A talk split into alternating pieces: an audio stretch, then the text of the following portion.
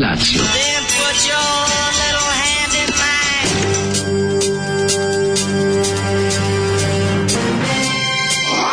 Alarm. Grupa rozvojenih mladića teči po studenom vazduhu pre zore. Alarm. A ima da kane, nema problema. Svakog radnog jutra, od 7 do 10.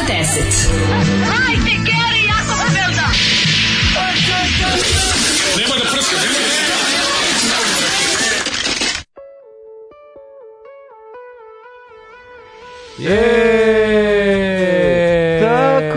si mi e, seksi. E, sutra će ovo vreme biti himna, a danas ponavljate za mnom. Tako, tako si mi seksi. Ubijemo se svi sad odmah. Da.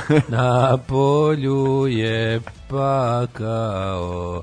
Ali a đavo hodi po asfaltu Kiša, kiša pada za vrat sad. Koliko je jadno, ljudi moji. ti utorak majku. Crkni, crkni. Utorče. Če. To je taj naš hit koji smo napravili. Ali pesma, tako si mi seksi. Jeste, je stvarno, mislim, razbila popravlja jutro za 6,4 koma od Pa ne možeš, znaš, on, ona u stvari obrne ceo krug. Ja, znaš, ona dođe, opet, dođe, dođe, dođe, resetujete pa razmišljaš iz početka da dalje sve u redu ili nije. Tako da nije kažeš neko ženi, tako, tako, si mi seksi. Pa šta fali? To je jednako da jadno. To je jednako jadno kao da pitaš neku ženu uz koju muziku voliš da vodiš ljubav. Kakva si u krevetu? Pičku matve se ubiješ. E. A stvarno to mi se vidio za ovo jutro. Ustaneš ono, ovo te kažu, znamo sam da te pitam. Tako si mi seksi je jača. Tako si mi seksi. Ju bože, ljudi, ne znam kako je gadno napolje, ne govorim. Ono. Znači, kad sam se probudio, i, i vidim, i čuj, ne, probudio sam se i čujem ono šuškanje. I rekao, mam, pa kako, pa gde? Pa rekli su da neće. Da. I onda onda pogledamo u aplikaciju, vidim da je da 13 stepeni. užasno. Da je 13 stepeni i da pada od 4. Novembar je. Ma, mamu ti Novembar, odvratni pr prve nedelje novembra su ovako. Jezivo, pa zašto? Pa što, pa mi smo dobri ljudi. Pa ne znam. Pa nemojte ovako. Pa što smo Srbi to ono... Es, ima sad novo, sad novo što papagajšu nacionalisti po, mm -hmm. ovaj, po internetima je uh, mi smo Srbi, nama treba da bude teško. Znaš, kao, pošto ovaj život je samo priprema za, mi ćemo, ovdje se napatimo, a da. onda kad umremo počinje prava zebancija. Ne, jedni Tako da- Srbi će, veći deo Srba će da se napati, a jedan manji deo Srba se neće napatiti. Pa, Nego će im biti jako mi, dobro. Mi, auto, taj... motošovinisti, mi ta, mm, nećemo da patimo, ovi pravi što shvataju da je lepota života Tako zapravo u, ovaj, u patnju. U čekanju. Ono jel ovo, ne, ne, je ovaj deo seksi, je li to mlađa pevala? Tako, tako si mi pa seksi. Pa kakve? Dobro jutro moji, tako ste mi seksi, momcovi. Momcovi. Uh, e, kaže Marina. E, gde mogu da kupim kvalitetnu jugoslovensku zastavu, pita neko. Kvalitetnu jugoslovensku zastavu, pa ovaj, vidi, ako hoćeš ne stare šivene, ima da se nađu dosta često po kupindu i po ovaj kupom prodajem. Pa kupom prodajem traži. Tu da se nađu one lepe, da. one mhm. šivene lepe iz epohije, dosta a ove nove, da. ove nove lepo možeš ovaj da kupiš, imaš e, ovaj ja, ja preporučujem našeg druga Bobana koji ovaj ima studio za štampanje tih stvari i koji nam je recimo na ovaj neuranku donio Donira. generalno pa između ostalog i jednu SFRJ koja je bila ko ko iz back in the day tako je što bi se reklo je. u negativno je divno jutro 23 stepeni sunce žari Super. sediš mi na ti ne kažem sad čemu mm -hmm. što mi staješ na muku da, da, tako da. da ovaj ako te sunce žari sedi mi na kako bre lažete to vi vi vlasi tamo izmišljate mi ne možemo da proveriti Mm, dakle. Napravili ste neki napitak od popinog praseta i ovaj kako se zove rakije i onda vam se priviđa. Bez popinog praseta. Bez popinog praseta. da. Ovaj e, Vlaška magija počinje i završava se većim količinom alkohola. Zapamti. Hvala Bogu. Ostalo, znači, ostala stvar vere. Da bi radila vlaška magija potreban je alkohol, tri stvari, alkohol, alkohol i... I samo alkohol. Tako je, treća A, stvar. Ono što ti teo reći, e, najlepše je bilo kad sam došao ovde i sad kao kupio ja neki sandvič, pokisao zbog njega i sve ostalo. I kao dobar sandvič, I sad pogledam, zatekne me na, na stolu ovom mom, piše ovako, u frižideru ima hladna pizza, da vam jutro bude još tužnije, sportski pozdrav. I kada nešto, otvorim, vidim tu picu kao, Šu što izgleda. Daj da probam. Iz, daj malo, ja. Da. i onda, onda kako mi se to jede, a svež sendvič sa lepom kiflom, tek ispečeno, i lepo kažem ga, ajde, evo, ostavit ću ovo mlađe, ja ću da uzim bajetu da. picu. Ja. Da. I nešto mi se jela ta bajeta, bila dva trogla. Legla I rekao, legla, legla mi ta bajeta mm. pica i tebi dao ovaj semlić, a ti tamo nisi kupio ništa. Tamo Kao da ja kupio neki kekse i mleka da pojem. Tako da, da meni ovaj semlić, tako, ne može ovaj tako. Ovaj semlić, ovaj pe, pekarski semlić je stvarno meni bio sad jedini bijes skupi da, najlepši na svetu. Sportski pozdrav, nas da je lepo sportski pozdrav. Vidim Hvala. da su igrali i Alojzije Stepinca, da je bilo dosta napeto, sklonio se da. nažalost. Cepali da, igra igra jednostavno igra ovaj osvaja, pri, osvaja srpsku mladež. Privlači mladež. Ne, igra ono, prosto na osvaja kraju te, mladež. Na kraju te pounijate, znaš, to da, je to. Znaš, to dok si ti okreći cilj igre ovaj da te pounijate. Ja sam inače ovo jutro počeo gledajući ove ovaj, stranicu Hrvatske pravoslavne crkve. Što je dobra boleština. Što je? Kako sajt iz 42. Ja mislim da je direktno ono. No, da, Novi, kako dobro dobro dobro ludaštvo ono kako sad, pa sad treba da popis u Hrvatskoj, pa kreće, ono, kreće, kreće nožbek pred popis na Balkanu kreće luđenja. Onda. Da. Ne možeš ti tako, možeš, nema ništa protiv. Ko je fora sa, ko je fora sa nama Vojvođanima? Ne daju nam da se izrazimo tako. Mislim, vama Vojvođanima, ja sam da. Jugosloven. Da, ne, a, ovaj, šta je to, ko je to, ko je to? Pa ovaj? ne, mislim, možemo pričati o tome. Pa to isto, mislim, to je tako kretenski, hegemonistički. Ne, jako me zanima šta je to. Zašto se ne bi čovek izjasnio kako god hoće? Ako ih ima, ako se dosta ljudi izjasnilo pa isto tako, staviš ih kao neku, mislim, pomenješ ih statistički ali bi trebalo valjda svakog da kako se izjasni dok ga tako upišeš. Jasno, Jugoslovenija, ali smo i Vojvođani, mislim iz pa Vojvodine. Ne, ali da mi, ja sam na svakom jebenom pa da. popisu života pa, se Jugosloven i kanim pa, nastaviti. Okay, pa dobro. Znači, ono, Jugosloven, nacionalnost, verska pripadnost, ateista. Da, Svaki jebeni, ono, popis u kom... Ateist rap, verska ovaj, pripadnost. Ateist raper. Tako, ateist Od kad sam ovaj, od kad, od kad su me popisivali. Ali ne, ali, ako čovjek hoće da se izjasni, treba da mu upišeš ono što je rekao.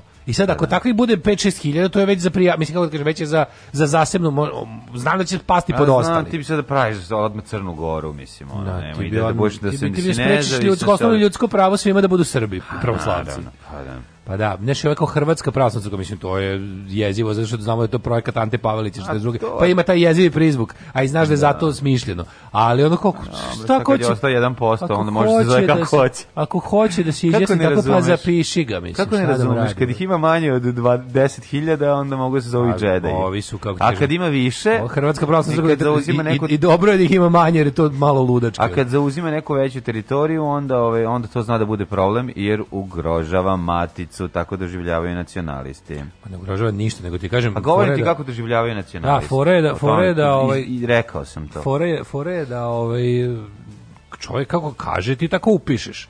I sad, ako recimo njih bude 1%, to je onda zostati, mislim, kako ti kažeš, svi oni treba da pišu negde. Kako sad, onda znači da pesma Mlada Vojvođanka, znači ne postoji. Da. Mlada Srbijanka ja, najbolji, iz, ali najbolje Mlada njihov, Srbijanka najbolji njihov argument Novog Sada ko, ne može to bacala. ne može to jer ne postoji vojvođenska nacija pa ne, da. kako se prijavi 20.000 ljudi postojeće šta to nije jasno ne, ne. razumeš pa nije zato što ne može Kako ne, ne pa- razumeš, pa, mi nećemo da im damo. A dokle će pa ljudi misliti da Srbi izdaju licence drugim narodima za, za osamostaljenje? Pa izdaju na Balkanu. Pa ne, su oni normalni. Kao. Pa nisu normalni. Tito je izmislio boš, muslimane. Da, da, Tito je izmislio, da, da nije ih Muhamed izmislio, ono možda. Ma nekoliko vekova pre Tita. Pa onda kao Tito je izmislio Crnogorce. Taj Tito radio nešto drugo, sve što je sedeo izmišljao nacije na štetu Srba. Ma joj, ćuti. A pa dajte je, ljudi onako ili kao Crnogorci su Rusine izmislio, čoveče. To mu je najgori. To mu je najgori. Znači, najgori. Njih da, ničak da. ni prijavio zavodu za patente. Da, kako dobro izmišljeno, mogu da stignem. Sve ove silne nacije koje izmišljene na štetu Srba, ne mogu da stignem i da prijavim. Bilo para, da, znaš da skupo 30.000 košta. 38.000 prijaviš. Sad je nešto. Al to samo kao žig. Tako je. Još ako je teo i nešto da ih nacrta, pšu, mm, ti koliko to košta. Para. A ne, ali ja mislim, ja stvarno mislim, da recimo mladi, a i ne samo mladi ljudi Srbije, misle da je u Beogradu stoji jedna kancelarija mm. u kojoj recimo ako se sakupi dovoljno ljudi, dođu tamo, kaže dobar dan, mi bismo da prestanemo da budemo Srbi i da osnujemo sopstvenu naciju, i on kaže može, platite toliko i toliko, ali verovatno nećemo dati jer Ne, ne može. Možeš da dođeš i da kažeš da si za odsepljenje. Ne možeš da kažeš to. Onda da. Ne, onda se naljute, ali možeš da kažeš da. ja sam za odsepljenje. da, i tako. Tako da mi to nije jasno, ono to to, to kao uh, samo da kažem ljudi ne postoje sve na, toj naciji je izmišljena svaka nacija je izmišljena jebote bog pa uglavnom u 19. veku no. Da. nije čak ni tako davno izmišljena i onda kad im to kaže šta pričaš ali mi brati imamo kulturu i tradiciju Uh, došao je Džan Jaman, budući Sandokan u novom remake-u. Mm, to je Džan Jaman. On će glumiti Sandokana. On će glumiti Sandokana, da, da, da. A, a slušaj, ovo, mi smo se juče šprdali, a on je, glu, on je dečko od Delighta Leote. Materi, taj čovjek je potpuno uspeo u životu. Pa pogledaj kakav, bit će Sandokan. Ako će biti Marija? Tam dileta pa da. leota. Neće, to je u privatnom životu. Da, mora bude crnka neka. Da. Ja, dileta leota, čoveče. To je stvarno, to, to nije kulturno. Dileta leota, to je jedna lepota.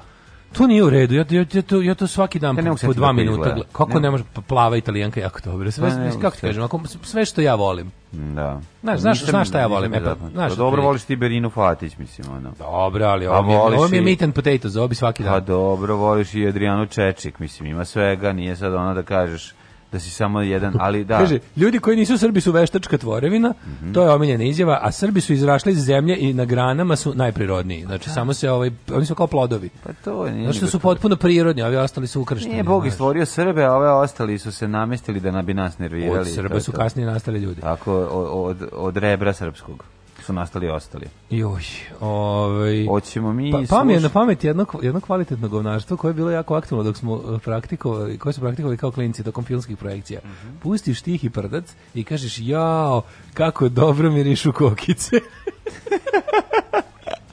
Aha, ono za privući se. Da. Pa dobro, to su kao... Jao, kako dobro.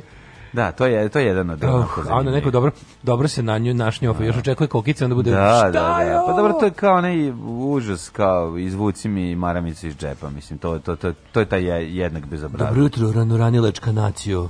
Mi svi koji ne postojimo. Ej vi, Jugosloveniji, nek se čuje glas. Slušamo Bad Manners je e. special brew. E, ajde, nas. evo, ajde, probat ćemo da se radostimo malo ajde, na silu. ajde. ajde. ajde.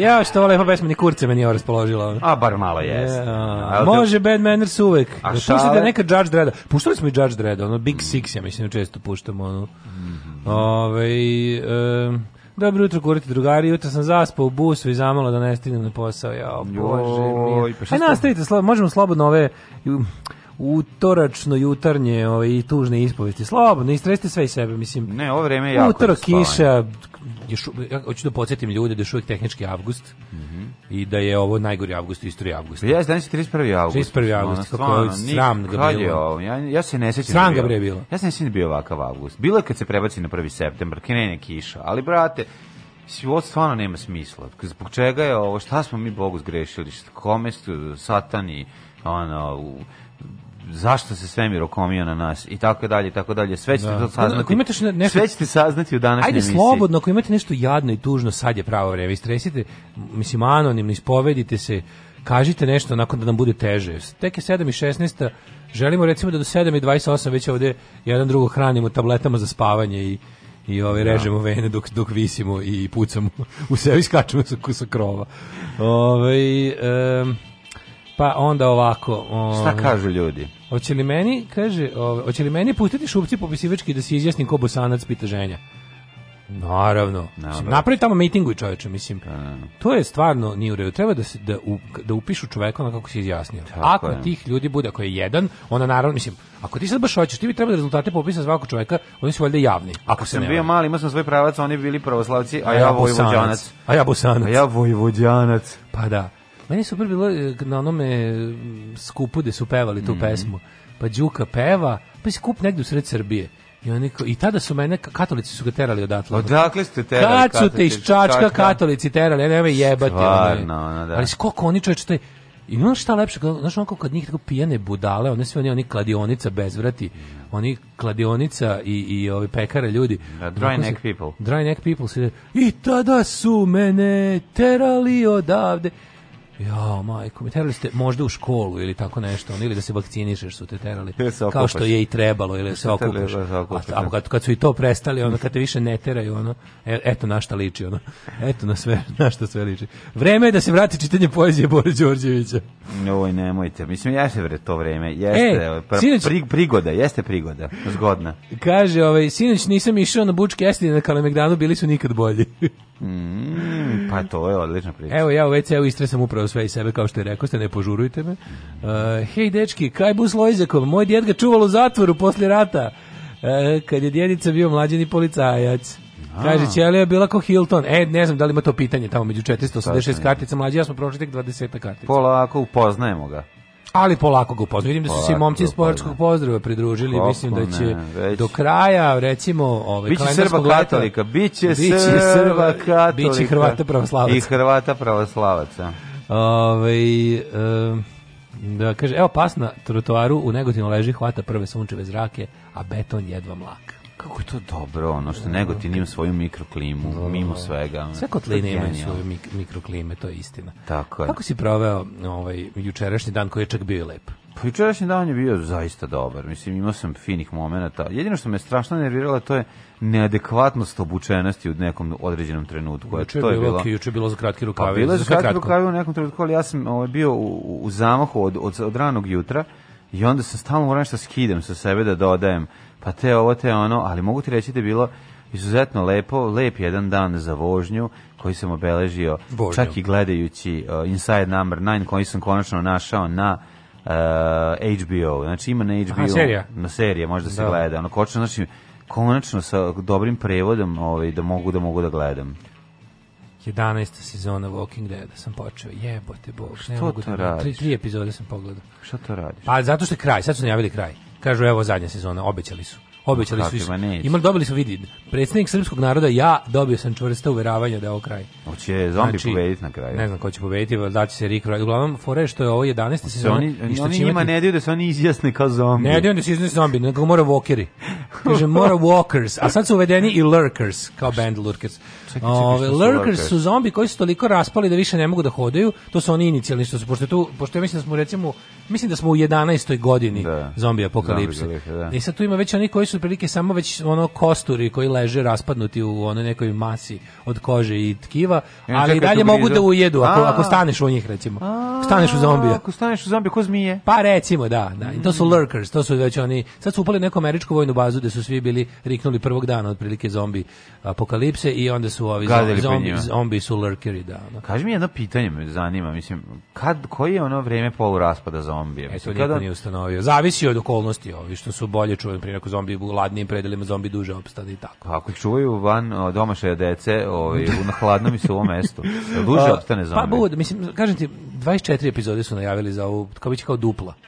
I treba da ide do... Kako narlog, kako neće biti jedna, bit će, pa što malo pa tretirate malo tretirate ljudi? Taj jebeni, ta serija dalje ima ratings jebote. I dalje je jedna od 11 stvari na pa MCU. Naravno. I dalje je jedna od 11 stvari na MCU. Pa da. Što samo pokazuje da su ljudi uporni. Naravno. Čovjek ti je, kako zove, moja, bože, se nada. Da, ovaj- čovjek je veliki hajvan. Promenilo se sada. Preskupe su im ove serije, ove, britanska kruna, te ove, te ove, popucali su jako puno para. Walking Dead skupa serija jako. Walking Dead jeste skupa serija, ali i nije pogledaj. Skupo, skupo, skupo. Kad je, to spada u jako skupo. Kad je inicijalno postavljeno, masovno šminkanje, masovno, masovno special effects. Masovno nije tako skupo, javite masovno šminkanje, 20 skupo, evra dobije dnevno, zombi dobije, zombi dobije 10 evra i da jede. Pa nije to da. problem, nego materijal sami skupi i oni pravljenje, pravljenje ovih, kako se, znaš šta je fora, preko toga, gledaj, čitao sam dobar članak kad sam kod toga, to je interesantno. Ima da li, da li u Washington postoji New York Timesu, jebeno, ja, ja, pozorišnih scena 48 minuta po epizodi. Jeste, tačno, ali onda ima masovke, pa dve minute akcije. Onda ima jako skupih masovki u, u ekterijerima koji treba se adaptiraju, koji nisu naš, ima tu i matte paintinga dosta, ali je fora što kad radi ove neke, znaš šta, to sam to ti kažem, čitao sam dobar Tri članak. Tri sezone u šumi, gde je to skupo? Čitao sam da skupo, spada skupa serije, budžet jako veliko. Pa verujem da je a nisu, serija. Pa, nemaš, nemaš nikoga sa A liste glumaca u seriji. Pa to je najvažnije. Pa da. Da bi serija bila jeftinije, da bi mogu pa da, na, da platiš, pa honorari glumaca. Skloniš, honorari glumaca, pa, pa. čim su honorari Za jednog, za jednog Brad Pitta može dobiti šest u uh, e, zombi Detroit gradova. Da, pa koji već tako izgledaju. Da, sad i rade tako da stave jednog samo glumca koji pa je poznat, ostalo Nema ni jednog u ovoj seriji. Inače, kako sad rade? U ovoj seriji nije nikad niko ko nije postao poznat zahvaljujući toj seriji. Da. Kontaš nije bilo ono da, da, da. likova koje znaš od sa filma, recimo sa mhm. velikog mm. ekrana. Ali bio dobar članak u, u da li Washington Timesu ili ili u New York u Washington Postu ili New York Timesu ovaj e, o tome kako je kako je divno kao američka ovaj kao propali gradovi što postoje o pa kako su e, našli svoj novi život kao scenografija za postapokaliptične filmove i serije. I kao nekada su ovakve stvari snimali u Bugarskoj i Rumuniji za male pare, a sada kao Amerika ima dovoljno industrijskih bivših centara koji su propali zbog zatvaranja fabrika Aha. Da, da. i seljenja poslova u Kinu i Meksiko. Znači samo dođeš da, kao, već, već da, sve natakareno i loše kao, izgleda. Tipa, prve pa da. dve sezone su snimene u kao predgrađima i čak i nekim delovima downtown Atlante koji izgledaju kao da je kroz njih prošla zombi apokalipsa. Pa znam, ali mislim, Što će reći stara dete lidera. Prva i druga sezona su jako zahtevne, mislim, da, da, da, skupe i dobro urađene, kvalitetno napisane. Naš, pa i treća nije bila loša, ono, ali ne mogu sad se setim, već sam zaboravio. Znam da sam samo jednom trenutku rekao. Mlađinu seriju to. epizoda košta 4,5 evra, normalno da je za njega sve ostalo jeftino. ne, e, e, prijatelji moji, ne možete vi bez minut, e, minut je otprilike oko 2000 evra, ali mi bez minut 1000 evra ne možete da dobijete ništa. Da to, da to liči na nešto, da bude kvalitetno. Znajte, i to je, ako je, ako je minut u, kod nas produkcije, kad se uvaljuje RTS-u, bude negde oko, kad se svi uglave i svi se nameste na to, pa može se, može, može, biti, može minut ići do 2500 evra, tako da eto, čisto da ja. da znate. Kaže, radila sam popis 90-ih i moguće da se iznaš kako hoćeš i cigani u žablju su izjašnjavali kao srpski cigani. Mm. Da, pa to je, no. Da. nikad neću zaboraviti onaj moment kad, kad, kad je ono, na, na pijaci došao lik da kupuje glasove, a ovaj ciga ga podnosno odbio i rekao, šta? Ja sam radikal. Ja sam radikal, da, da. da. Kako ga je otresao da, čovječe, da, da, da, da, da, da, da, da, da, Evo, bolje nego serije gledati, kaže. Ove, ovaj, e, pa onda ovako. Gledajte Inside nije Number 9, jako dobra serija. Nije to zombi, to je deda u zemrzivaču koji čiju penziju čekaju. Mhm. Ove, ovaj, evo Grande Bedaka, Ćaće došli iz Nemačke i nije donio slatkiša. Ajoj. Ojoj, čekaj, a dobro se može da se kupi, ali to isto, za mene je to zločin. Pa kako nije? Mislim, mora se doneti. Šta se dogodilo sa emisijom o poeziji na Daškoj mlađi radio? E, pa puno stupa treba... Mislim, oni nisu otišli u inostranstvo, ne? Pa nešto Vratili tako, ali mi se stalno što kane da se vrate. A evo sad kad su čuli da imaju fanove čak i u jutarnjem terminu, mislim da će da ih to ponuka da se prevrate. Ove, e, još će može biti sa još jednim drugarom ove, se nešto smo u pregovorima e, ove, oko još jedne emisije, tako da punimo polako ove, našu programsku šemu. Nego to mi se šta. jako sviđa. Nego šta. Da. Ove, mlađo, hoćemo li da čujemo jedno dve dobre pesme? A no, noli ćemo. U prosjeku trajanja 7,5 minuta. Ajde. Mm, ajde. Muzika za koju Srbiju zabole dupe. Alarm sa Daškom i Mlađom.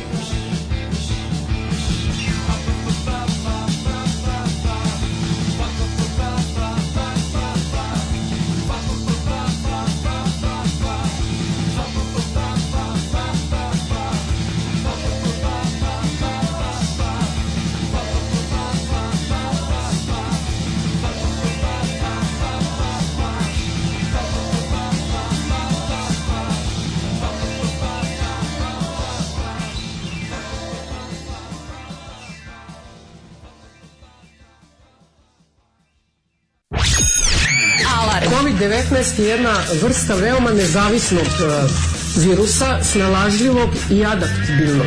I on spada u takozvane vanzemljane parazite koji dolaze iz kvazara. A kvazari su, znači, da tako kažem, astro organizacije svakog radnog jutra od 7 do 10. Alarm! Alarm!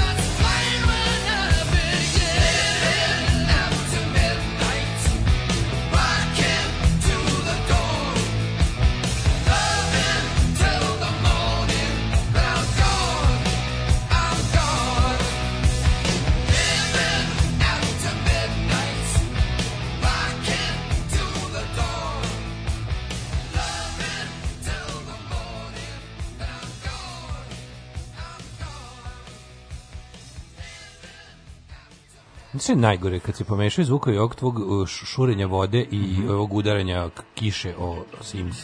To je baš ono onako krenem da priznam i stvari koje nisam uradio, ono, baš mi je, što da mi upriš mm. lampu u lice i kad da kažeš prizne, priznajem sve, ono, baš mi je ono... Jel ti ono mučenje? Da.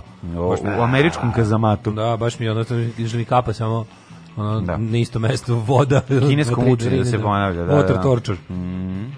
Da, znaš, ono, taj, kod tih mučenja, ono je waterboarding, To je najjezivije, to kako to kažu da davi. To, da, kako tu to, ljudi sve priznaju. Ljudi sve priznaju, pazi, a ti se tako ne možeš udaviti, razumeš? Mislim, ne možeš. Čovi to stvarati osjećaj da, da, se da, daviš. Da, da, kako mislim. to, zapravo ne možeš tako udaviti. A, mislim, on, da. a šanse su jedan u jako male, znaš. Da Dobro, da baš, ono, pa, ti baš pogodi ono ta pa voda. A naša primitivna ona varijanta toga je kesa na glavu, kako smo da, da, da, skončali poneki. Dobro, ali od kese na glavu može umreti, razumeš? A možeš. Od pa waterboardinga, tako, kako, tako kako se izvodi u, preko majice, preko krpe na usta. Krpa je fora da ne vidiš i onda te polivaju vodom kroz tu krpu. Znam, ne možeš da do vazduha.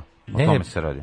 Pa ne, ne možeš dođeš do vazduha, to je problem. To, a zato ti stvar hoće da se daviš. Pa stvar se daviš, ali kao zapravo se ono Nisi nikad to radio. Ne, nema dovoljno, pa Christopher Hitchens je Nisi nikad sa devojkom to probao. To je bilo najgene, ne, water sports je nešto sasvim drugo. A ovaj kako se zove? Christopher Hitchens je bio u fazonu kao, a kao to ne, šta kao šta ste svi zapeli. Ovaj nije to tako kao to je verovatno, to je još i najhumanije, onda je onda je na insistiranje probao ima snimak. Christopher Hitchens budala je probio, onda je bio rekao po, jedem svoje reči, Ma, ovo je naravno, izuzetno nehumano i Amerika ne bi trebala ovo da radi ljudima.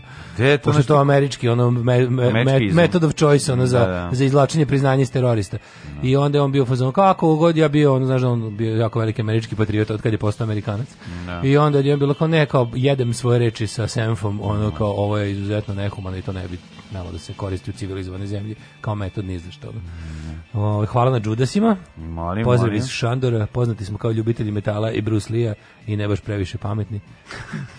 Ove, e, da, sad mlađi, baš, baš mlađi, ja smo se pitali kad je, koliko je prošlo godina od kad je Rob Halford izišao iz, iz klozeta? Prvo mi se jedno 10 godina. Bo više, mi bilo skoro 20 možda. 20? Skoro ima 20. Pa čovječ, mi, to je bila vest u, to je bila vest u Metal Hammeru, pre, ne znam, ja, kad smo Metal Hammer poslednji put videli, on 2006. on otprilike. A bilo je Metal Hammer uveć? Pa tako je bilo, da, A, onda to je bio hit. Mi je bilo drago zbog onog, onog Anselma govnara da, iz, iz da, da. Pantere, da. kako te, mhm. te lik je odvratan. Ne kažu da oni i ja ličimo. Ono. Ne liči. Pa kažu ljudi. Ne. Možda ga zbio mlađi. Čuo sam 5-6 puta to u životu od različitih ljudi. Kao, Aha. Ja liči iz Pantere, kao je hvala. O, ovaj, jebem ti vreme da ti... Ne, jo, ti kako jesi Đorđe Balašić iz ovaj Pantere. Može. Kako volim ovaj e, stripsko psovanje, neko nam je poslao kao jevim ti vreme da ti i onda znaš on kao procenat araba grom da, da, da, et dolar procenat a to je su, kosa crta to je donja crta psovanje strips, iz, gaše. iz gaše iz s, i tako dalje to je to francusko belgijsko psovanje iz da. stripa u ovome u u takmičnom tomu ima to Preslatko u asteriksu mm. a ne znaš kako ima u ovome u gde je ti jemu Miko Brži u, gas, u gaši pa može biti da je u gaši. ti, mislim, ti ja mjkbžj.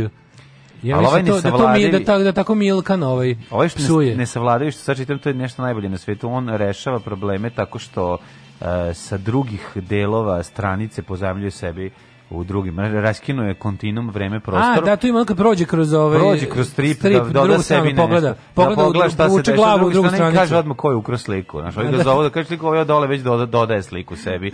Sa, sa gura sliku od gore sa, sa kad drugog kvadrata. Da, s drugog kvadrata, to je. A pre... ima kad pogleda u drugu stranicu kao pogleda genial. pa vidi drugu stranu. Znaš kako je genijalno. Da, Ili sam sebi potopi brod, da baci sidro na svoj brod koji je koji je dole na na slici ispod. Na drugoj slici, da. Da, da, da. Meni je neverovatno da se to niko ranije nije setio. Nećem sećam se da on to se on to napravio. Ne sjećam se takog stripa. On je da. napravio, on je, on je razjebo strip. To može se reći da je uzio da razjebo onog koncept stripa klasičan koji smo mi svi i to je toliko dobro. To je tako izvoza, naš, ali daje mogućnosti za neverovatne idiotluke. Kako mrzim kad mi sunce ovako udara u oči za vreme doručka dok gledam u Jadransko more. Kaže Paja. Pajo, pokusit ćeš jaja, gde si? Pajo, pokusi jajo. Iza gde nas. si ona, pa, Pajo? Pa gde je Pajo, negde, mm. gde je lepo. Ne, Kaže, meni ličiš na Migeta, tako možete pohvaliti Migeta. Ja mislim da je sada trenutno svuda na celoj, u celoj Jugoslaviji ovako vreme. To ja isto mislim. Puti kako odra. Ja sam najgore žrtva toga, ono kao, kao nemoguće da sad negde gde ljudi govore isti da. ovaj jezik, ovaj da se ljudi razumeju mm. da da je lepo vreme. Mi smo sad svi zajedno jadni. Da. Znači ovako je u Varaždinu, ovako je u Celju, ovako je u, da. u Orebiću, ovako je u, u štipu. U, u da, ono, u, da. Na št, u štipu. Pa tako je. Ove, a ovaj, u plavu. Ajmo mi, prijatelji, bre. U, aj u ovaj- stopu, aj u revu. Ajmo, bre, u prošlost. Ajde, ajde.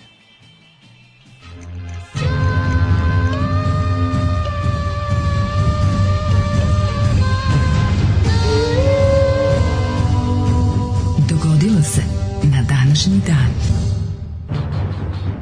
17. novembar, šalim se, 31. avgust, majku moja. 17. novembar, to je grčki terorist. Tako je, 263. dan godine, do kraja godine imamo još 122 da, dana, zima je došla kod nas, nesla na sarma.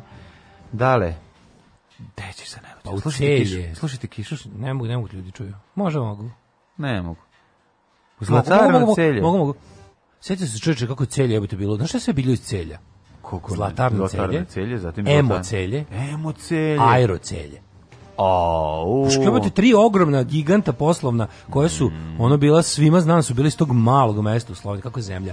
Kakva ta country. Kakva zemlja. Kakva smo mi bili zemlja, jebeno celje. Je imalo tri privredna giganta, ali ozbiljna. Kakva smo mi Slovenija bila zemlja. Kakva smo mi Slovenija bili. Pa nije čoveče, bilo mislim gde ono naš ono Gornji Milanovac imao posuđe i, i, i, dečje novine. Malo Zrenjanin, majko. Zrenjanin, Zrenjanin, Zrenjanin. Šta ima Zrenjanin? Svi znali za zrenjansku pivaru, za industriju mesa. Kako bi za, za, Sero Mihalj Zrenjanin. Za ulje, to ti kažem. Radijator iz Zrenjanin. Kažem, Oni šino, šinovoz Zrenjanin, kako se zove? Vozušin. Da, da, šinvoz. Šinvoz, da, Zrenjanin. Šinbet. Ali, pa da. ovaj, hoću ti kažem da Jugoslavije neko je napravio bio na ovoj e, ili to može iz nekog poslovnog rokovnika iz tako neke tipa 89. Ono kao velika mapa Jugoslavije sa logovima preduzeća raspoređeni. Pa, da. pa to ne vidiš državu od logova preduzeća, načičkano jebote. Znaš, ono kao ima si svaki grad je rekao, svaki grad si mogao znati po nečemu. Ja sam ih tako i znao zapravo. Znaš, on kao Maribor, to Varda, tam je bi ga. Znaš, da, kažeš da. neki grad, ja znam odatle šta ima, šta se tamo proizvodi. Mostar, Socko. Soko Mostar, Socko pa Mostar. Pa, da, pa ne Mostar, pa je on... Avioni jebote, pa da. Soko Mostar, ono, ozbiljno. Soko Mostar, to pa to firme je. Koje, da, Bukvalno firme kažem. koje su zapošljavale hiljadu ljudi nisu ni računate kao. To je Razumeš što bilo malo, to je, bilo malo mala Tu, ni radnički savet ne možeš formirati koliko je malo. Ali ne, ali ću ti kažem, znaš, svako je mogu da zna da upoznaš zemlju po tome, imaš nešto kupiš, ne, kupiš u prodavnici nešto, prvo domaće. Mhm. Kupiš nešto, pročitaš odakle ili dopadne ti se čokolada, keks, bilo šta, šampon zapamtiš da je biser iz Kumana, da je ono Zna, Jaka Radović i Vedrog. Šta ti se dopalo od, iz, ono, iz, od bisera iz Kumana? Pa i, ali zapamtio si, makar, makar si ga zapamtio, zapamtio po, po, tome da, što okay. se nije dopalo. Da. da. Ali ga, naš kopriva jebi, fucking kopriva, to je pravi biser oh, Kumana. Kopriva, Onaj šampon u pakovanju, ono infuz za 100 litara. Bio sam ekipu ovu Beočinu koja bere koprivu, pa sam razmišljao, mladu koprivu beru. Nije da li, videla koprivu. Ne, mladu koprivu su brali. Pa, da kažem, da li, mislim da biser Kumana nije, taj šampon zapravo nije, nije pravi koprivu. Pa ne, ima neki ekstrakt. Ali me zanima da li, ovi, ovaj, da li ga koriste za pite ili ga koriste za pravljenje šampona. Ili ili drže ovaj bordel sadomazo gde ljudima še, šure jaja tim. Ali mladu su brali, ta ne peče jako, znaš, peče mlada kop, malo malo, malo mlada starije. Ma i mlada, ma i, i, ko, i mlada isto pecka, ali znaš da kopriva boj samo sa gornje strane pe, pecka. Pa da, onda gde su one gde su one iglice. Gde da. pa, da, da, su one dlačice. Iglice, da, da, da. da. Ove, ajmo da vidimo čemu mm -hmm. se radi. moja istorija počinje 1056. Ček sam da vidim, mislim da se ti se pridružujem. Tako je, izvolite kolega. Nakon iznenadne bolesti par dana ranije vizantijska carica Teodora umrla bez naslednika. Čime je uzumrla makedonska dinastija? Tako nema više makedonske dinastije od 1056. I tada, brate, nema makedonici, brate, makedonici to su Srbi, ovi, brate, južni. Brate, da. Možemo bacimo čuveni fazon. O, nemoj, molim, da nemoj. A, dobro, Zato što, znaš, znaš, znam zašto sam ovo rekao. Pa dobro, ja sam zato što su indeksati, Ja sam se ponovo, juče, u naletu, u da. naletu kretenluka, kad sam shvatio da sam preslušao sve ono žarke Puko, Puhovske sa interneta, mm -hmm. ovaj, gde ne priča baš na dnevno političke teme, nego neka predavanja njegova, onda sam bio fuzonu izletalo mi u Related Videos opet 100 milioniti put ka se audio kaseta Jugoslaviju adio od indeksovaca. Ja, ja sam to pustio i zaspo za dva minuta. Da, da dok da. smo stigli, dok, dok dođe Alažem Alasi da, da, ovaj, kod majoneza Drndavšeka, ja sam već bio u komi. 1290. kralj Edward I nema Kazoruk objavio je proklamaciju progonu jevreja iz Engleske. Da, dva dana ranije shvatio da im duže neke pare ne, upravo, i da ne može da, da vrati. Da, da, da. Kad je shvatio koliko je pozajmio, ajmo mm, svi... Da, ajmo, da, da. pa znate su oni ubili Hrista. Da, to se sete svaki put. Da li kad je kuga, da li kad pozajme pare, da li kad... Uglavnom kad pozajme pare. Da, uglavnom, da. 1862. na Zagrebački zapadni kolodvor iz Idenog mosta stigla je prva lokomotiva. Okupio se cijeli grad kako bi video tu zanimljenu kočiju koja se kreće bez konja. 1876. U knjizi uh, Povijest željeznice, da, da, da. britanski istoričar Reginald Raby iz Greece navodi. Bio je to veličanstven dan. U moru pare. U moru pare pojavio, pojavio se gvozdeni željezni konj. konj. Ljudi su vriskali, neki su se bacali sa strane a neki su zvali gospoda i Mariju. Govori Mladen Urdarević sa povijesnog sveučilišta u Zidanom mostu. 1876. dvorska klika smenila je turskog sultana Murata V pod izgovorom da je lud. Mhm. Nekoliko mjeseci nakon što je došao na vlast i doveo na predstavu njegovog brata Abdula Hamida II. Đuganija. 1887. Mhm. Osnovan je Streljački savez Srbije. Yeah! 36 godina posle formiranja prve streljačke družine. Da.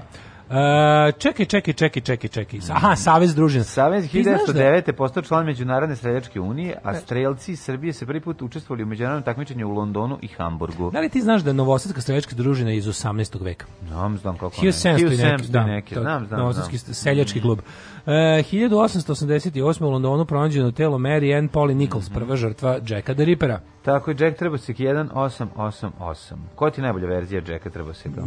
Najviše, ono sa Michael Caneom. Ne voliš From Hell više?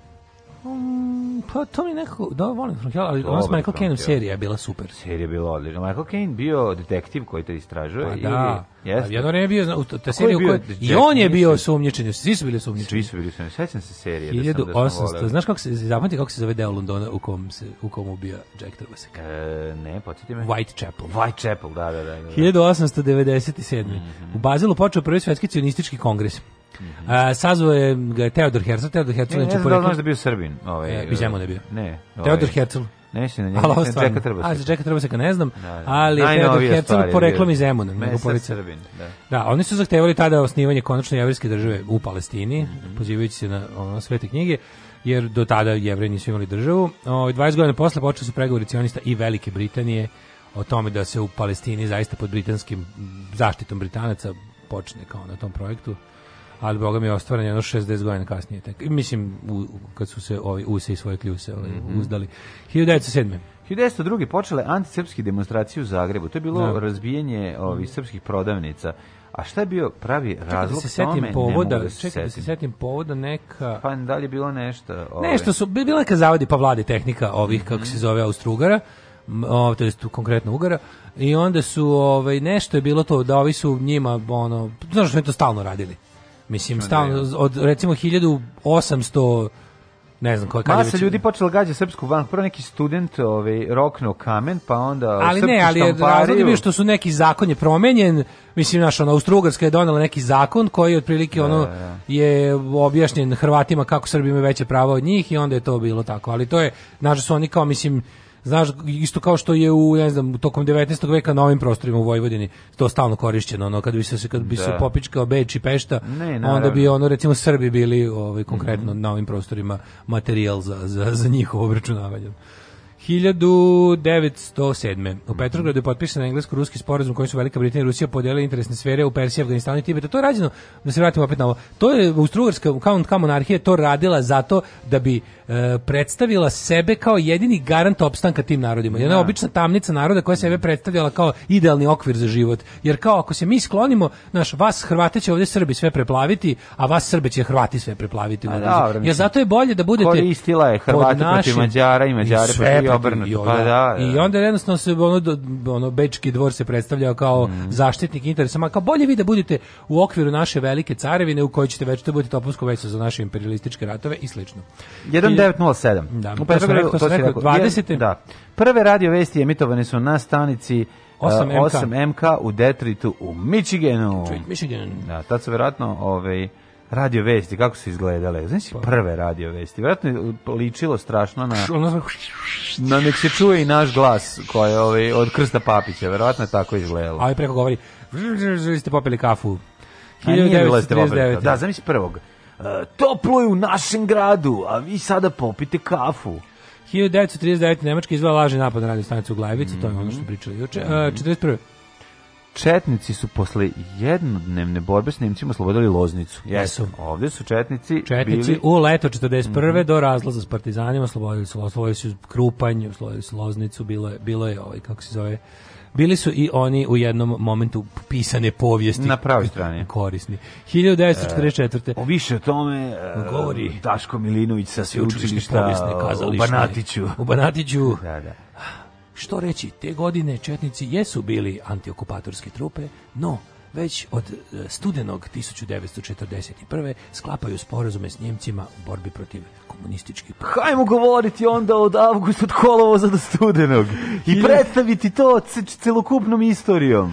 1940. To se zove revizionizam. To se zove revizionizam. I onda odjednom više od novembra dalje ne pričamo. Da. Ja. 1944. sovjetske trupe tenkova išli u drugom svetskom ratu u glavni grad Rumunije, Bukureš, gde su i građani oduševljeno pozdravili. Mm -hmm. Kao što su oduševljeno pozdravili četiri godine ranije nekog drugog. 46. Pred Međunarodnim ratnim sudom u Nimbergu 22, 22 optužena imala su završnu riječ, svi mhm. optuženi izjavili su da se ne osjećaju krivima, a Gering je tvrdio kako je on zapravo hteo sprečiti rat. Naravno. Svojim tako avionima. je to bilo. Tako što sam ono napadao avionima, ja sam sprečavao Ja sam sprečio rat tako što bi protivnika uništio i onda da. ne bismo ratovali.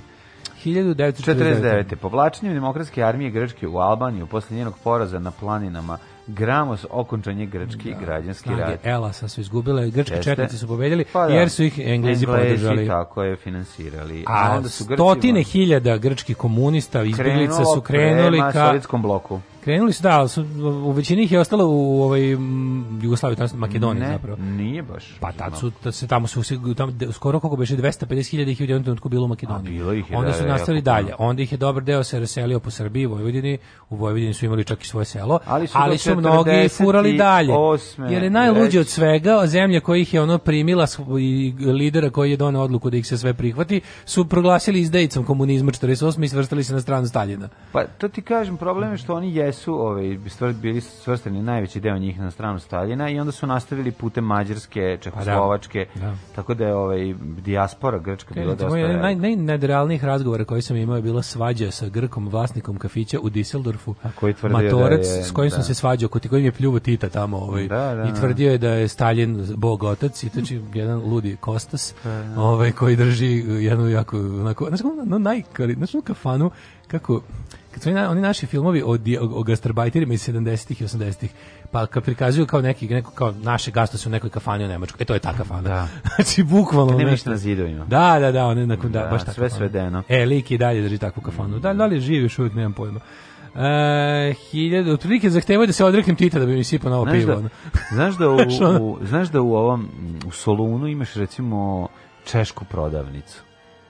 Po, da. Zato što je jako puno uh, Grka koji su se vratili su bili odrasli. A, a navikli su na češki kao. A navikli su i onda tamo da, možeš da, da, da, da kupuješ da. sve što ti treba i ljudi kupuju malo, ono, zato što je puno njih se vratilo u Solon, recimo. 1957. Malezija je dobila neovisnost od Velike Britanije. Mm.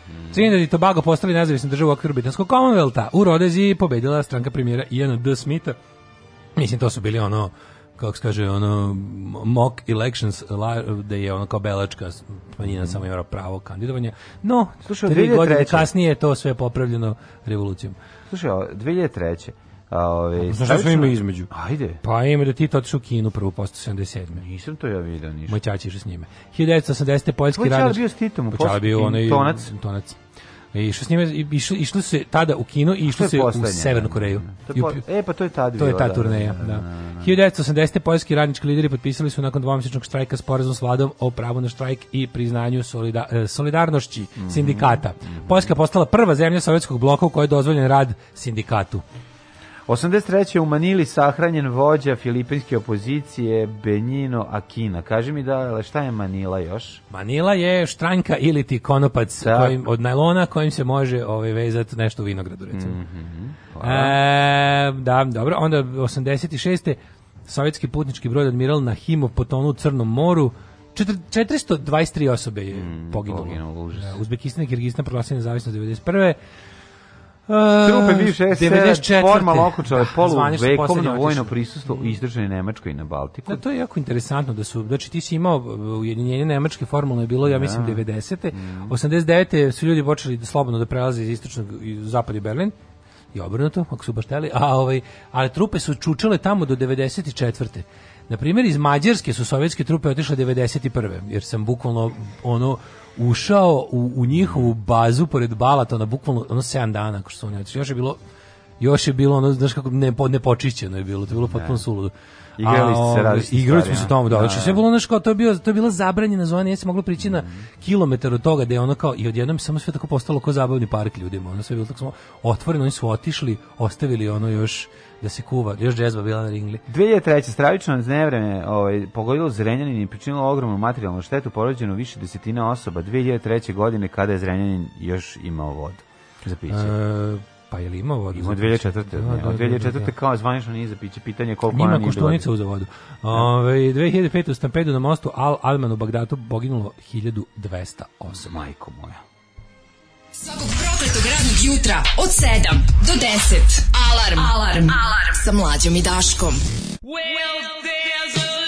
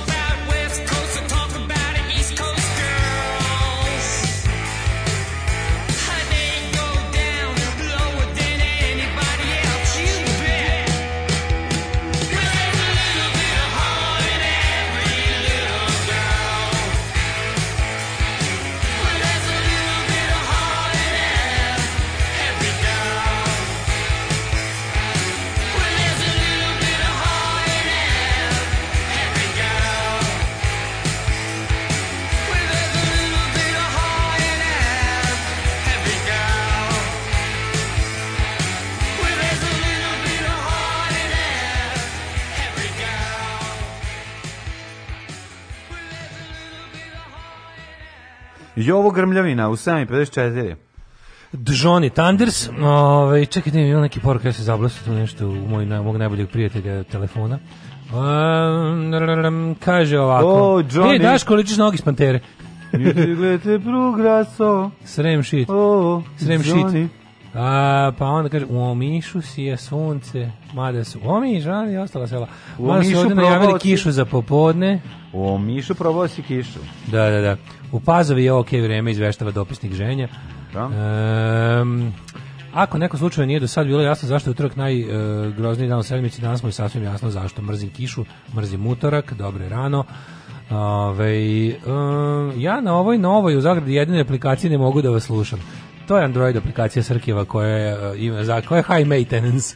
Sa, radi Srki na to. On sta, u svakom, at any given moment, Srki radi na aplikaciji. Tako, ne, to zapamtite. Ono, Srki ljudski oktopod. To je, vidite, ovako, postoji... Ljudski oktopod radi postoji, 16 da, stvari. Postoji ova neljudska naša robotska aplikacija za nas bogate koju je napravio Marko za, ovaj, za iOS to, i ona je jednom napravljena i radi. To je antisrpska i bezdušna. To je, to je bezdušna. Mm. To je mm. bezdušna, to instaliraš i radi jednostavno. A ima i ova s dušom kao Moskvić, da stalno ležiš nešto ispod nje, do zatežeš, stalno ti prsne ulje u facu i tako. Pod zastavom Čačka, čačkaš i kad radi i ostalo, razumiješ? Jednostavno, to je aplikacija, to je aplikacija života. To je aplikacija sa šrafcigerom u, u vetru. To je aplikacija stavu. života i ona ima dušu, za razliku od ove na, jabučarske, ove bezduše. Šrafciger u prozoru aplikacija koju ja da. pozdravljam. A, treba nešto, nešto da ponovimo. Srki rekao da mu treba nešto da mu se obnovi, on sertifikat da može da stavi unazad u Google prodavnicu kad je napravi. Ove, ovaj, e, kaže, nisam čuo dosta li ste komentarisali da ulica Narodnog fronta ofarbana u bojama srpske zastave. Jezivo, kakva samovolja. Niko nije spreman da stane na put tom vandalizmu koji traje već danima.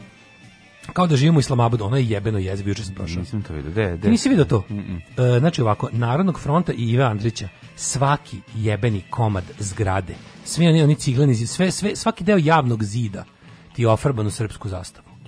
Znači, šta mogu da vam kažem osim da ovako. Znači, kupite crveni sprej Montana, znači ove malo bolje, malo malo je bolje spreme, nemojte neki enda kolori sa na toga. Kupite da iz, iz, iz, dajte 200 dinara više, uzmite Montana kolor i na svaki 10 metara opičite po petokraku na plavo polje. To je jedino što mi pada na pamet. A pa to će ostati onda pravi jugoslovenska. Pa, pa no, jugosrb, Srbija čisto da ono je lepo kako da kažem mislim da da da, da jedan kompromis da. imate da. lepo srpsku zastavu ali imate ovaj zastavu socijalističke republike Srbije da se i mi ovaj koji smo živeli u toj zemlji ovaj veselimo da. mislim šta da to to sve inače to plaćaju to srpska napredna stranka plaća da, lokalnim klincima i, i navijačima da to rade i imamo sreće što nisu pola Rus, pola srpsko, a pola ruske imperijalne, to je sledeći korak. Ima jedne. Znači, kad ovo dopustimo, Ima jedna crno-žuta sa, sa da, onom... da, to je, srpska, to je ruska imperialna zastava. To je tamo ovaj, kod, e, sa onim ruskim krstom na sredini. Da. Pola je ovo, da. Da, da. to nisam, to je ruska imperialna zastava. To je ruska aha. imperialna zastava. To, mislim, to je želja naša da budemo deo ruske da, imperije. Da, da, da, Tako da, mislim, kako da vam kažem, sve što u javnom prostoru... Uh, fašizam u javnom prostoru je fašizam u državi. Onaj ko kontroliše ulicu, taj kontroliše sve. Nemojte imati iluzije. Znači, Orwell je lepo rekao, Winston Smith koji misli da je u glavi slobodan, u porobljenoj zemlji, u jednom trenutku shvata, ne može. Sloboda je ili sloboda, ne može, ne može da postoji samo u glavi čoveka. A ulica kao javni prostor, mesto gde moramo biti svi, onaj koji obeleži svojim simbolima, nje, ona je njegova. Njegov, da. Jer to je više nego jasno. Dokle god ti simboli ne budu uništavani, odnosno dok se ne pokaže a, opozicija takvim simbolima, znači će da prostor pripada određene političke grupi ljudi, u našem slučaju nacionalistima i fašistima. Da imam mi rođendane. Uh, ovaj, kaže, treba mi odgovor e, na pitanje zašto saveznici nisu bombardovali Zagreb nego Beograd. Pa zato što je u Beogradu bilo mnogo više nemačkih trupa za početak, zašto je Beograd bio važan za napredovanje e, saveznika za Zagreb nije bio strateški važan, nije bilo čvorište pruga, nije bilo kako se zove, nije bilo velikih nemačkih garnizona, nije bilo nemačke, nije bilo šta da se uništi. Nisu se gradovi bombardovali radi bombardovanja, nego se bombardovali da bi se sprečila nemačka vojna mašinerija koja u Zagrebu nije bila ni izblizu kao kao u Beogradu. E, na primjer zašto iz, iz istog razloga je bombard bilo je jako važno sprečiti operativnost E, pruge i puteva kojim bi se ogromna nemačka vojna sila povlačila iz Grčke i iz Afrike na kraju da. krajeva, a Zagreb nije bio na tom putu. Ove, e, obeležava se mesna zajednica koja nije u SNS-u, zato to rade. A, Jeste, tako je. Aha, da, da, aha. tako je, tako je, tako je. A, da, da, je da, da, to, da, da, da, više ima smisla. Ne, ne, to mm. jeste to, zato su ih mm. sad kaznili. Znači, vi morate da znate da, da ima sad, ko ima, da. ko ima muda sad to da prekreći? Da, da, da, da. da. Ne, to prekreći treba samo uništavati. Ono. Znači, nemamo mi para niti ono kao, nemamo mi, nemamo mi njihove pare i njihovo ljudstvo, ali mislim, svako ima sprej i mrak. Možda se ugodi. Svako ima sprej i mrak, jebik. Ove, ovaj, jeste li otpratili vez da poštanski radnici dobijaju nove odežde? Koliko čujem, bit će neke crvene boje, valjda da se lakše uoče u interijeru kafane. Ove, ovaj. ne znam, šta neće biti žuto-plavo više pošto? Pa ne, ne, žut, ni, ni, ni uniforma ni bila žuto plava, žuto. A ne, šta, pa, pa plava je bila sa žutim onim momentima, gde nije. Pa, Žute je... čarape pošta imaju majstori. Da, ima se kupe, da, meni ste čarape su A jes. Meni čarape da. do jaja. A imaju žuto Mislim, plavi. Mislim, do jaja super su mi. Žuto su plavi. Čak nikad ih jako nategnem. Da. A da, upravo si ja sve poštara, setim se da poštari imaju leti one, one sive majice. Znaš, imaju sive one. Imam je, naši poštari. Sad ono izuzetak hoćeš da Ne, ne, ne, nego se ja znam da više trčim za poštarom lepika. Imaju plavu onu neku odeždu koja ima onu jeste, jeste, onu lajnu da da ga prepozna od da ima onu neku mačje oko, da, da. ima neki mačje oko na leđima. Ima katadiopter onaj. da, da, da, da. E to je to su E ali meni su naši poštari cool izgledaju. Na primjer kao što nam policajci izgledaju jadno, policajci nam izgledaju kao obezbeđenje narkokartela, što je vjerojatno jesu, ali ovaj ali su poštari su nam dosta cool. Ono. Pa ne znam, baš da izgledaju cool, ne izgledaju. Pa oni izgledaju, ok, poštarska uniforma nam je lepo. I oni dostavljači posta ekspresa kad, kad, kad se ono, iscimaju da, da stave nešto od pa uniforme. Pa nisam ih nešto video da su... Pa cool, su imene žute biciklove, mislim. Evo. Ko ima bicikl? Žut, da, ali uglavnom ja vidim poštara kako guli cipe. Znaš koja je fora, što poštari koji rade po zgrade, njima se ne isplati da voze bicikl, jer su ono manje više dobiju male reonde, idu više da. liftom i stepeništem nego asfaltom. A ovaj, ovi što rade ove delove grada gde su kuće imaju bajseve. Mm. Na u ovom našem kraju ima da. na bajsu. Sutra sad sam jutro. Ne, ne, vidio sam. Jutro znači, sam ga vidio. Ima žuti bajseve. Da. Ovaj to je to, crvene petokrake i udri. Jači su mnogo i ne možemo da idemo da je prekrečavamo, ali po petokraka na svakih 10-15 metara je dobro za početak. Dobro Samo ljudi, mislim, kako da vam kažem, ne, ne treba tu ne znam kakva hrabrost. Ok, naravno ne možeš da uradiš sve bela dana jer ćeš na kraju kraju imati posla i s policijom. Ali noću možeš, brate. Tako da ono, znači, kako da vam kažem, svaki taj Ratko Mladić, svaki taj četnik, svaki taj ratni zločinac, svaki taj njihov koljač, svaki taj njihov mrtvi deda će u mantiji će stajati svugde gde ga neko ne dotera, razumeš? Znači tamo gde ga ono središ, tamo ga neće biti. E sad ne moraš da se pohvališ time. Jebi ga, mislim kao mi smo ilegala, mi smo teška manjina i moramo tako i da delujemo. Jebi ga, derujemo, delujemo noću kao partizani. 1811. rođen je Teofil Gautier, francuski književnik.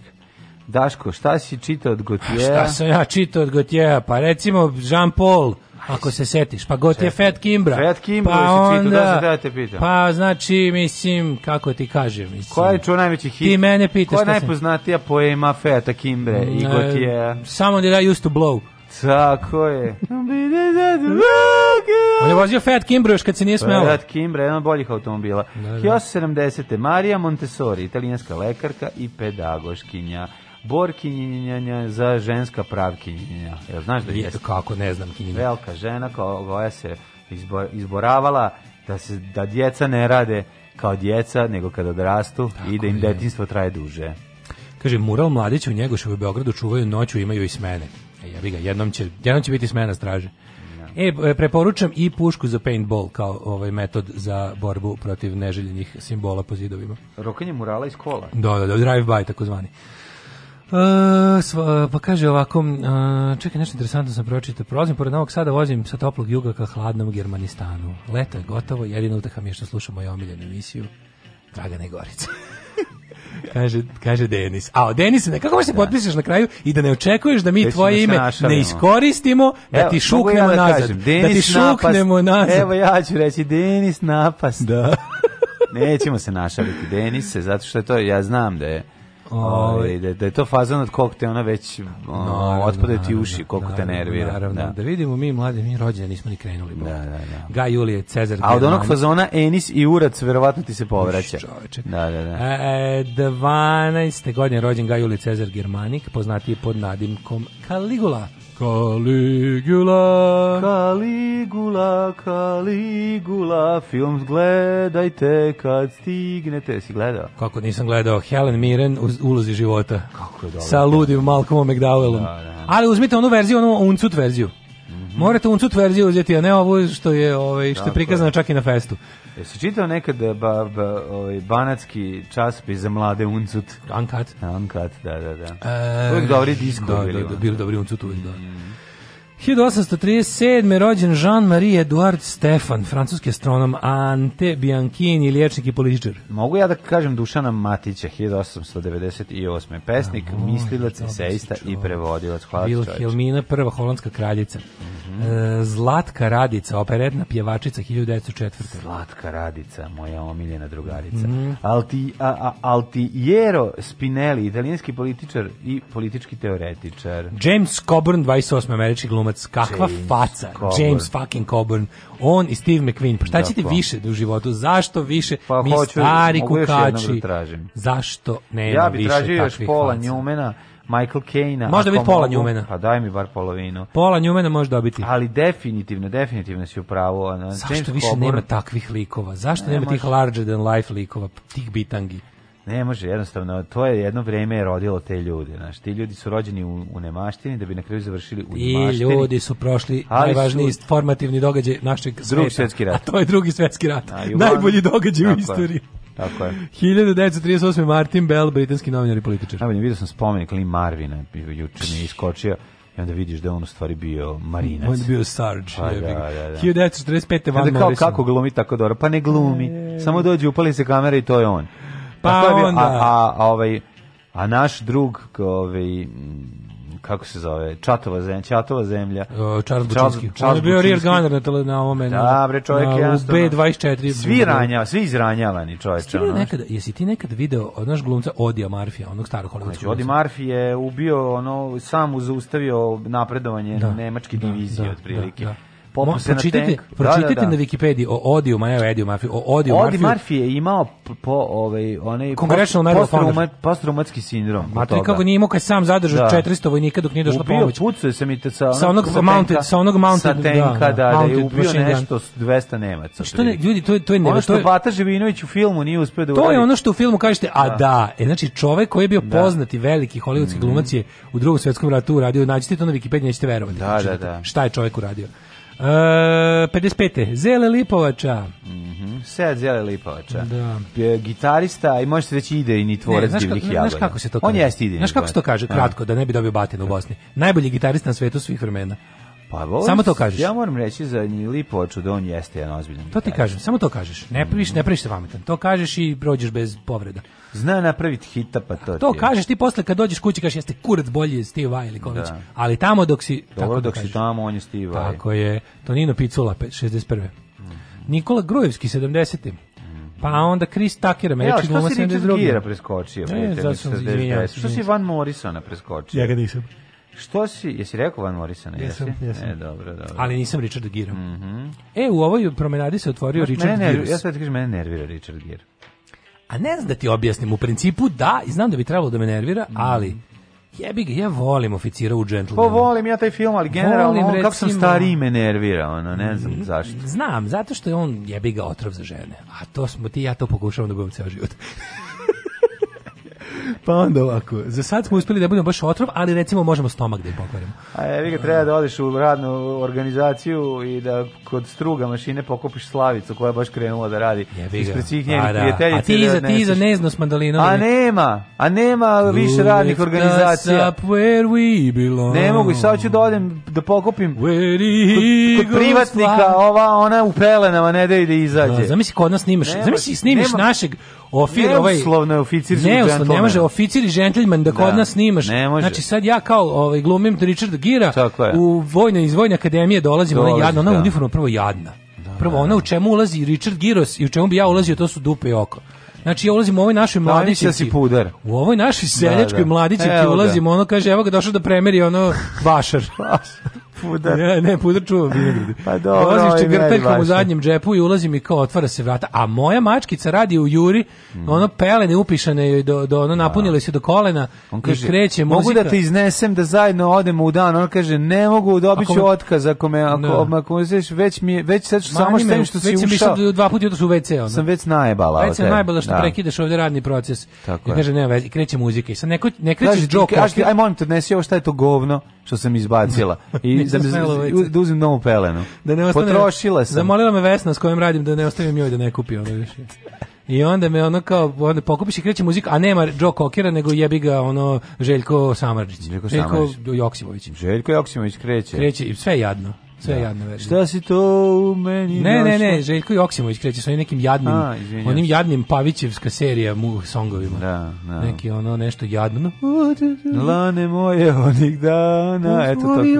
ludo vreme, nešto tako da, jadno. Da, da, da. neko vreme ludo. Ma ima tu dobar kinki stih, ako se sećaš, on je ovaj, pravio, zaboravit blago, Gde ima, gde ima, gde ima ovaj Malo stisni, kreni, malo stani. Ne, ne, ne, ne, ne. Ti ti si ti ti si Pavića propustio jedno. Što sam propustio? U porodičnom blagu ima ima ovaj kako se zove? A u porodičnom blagu stisni izvini, jako srce kao dečak mali, ali tu ima jedan dobar stih da kaže kad te pospe kiša od zlata.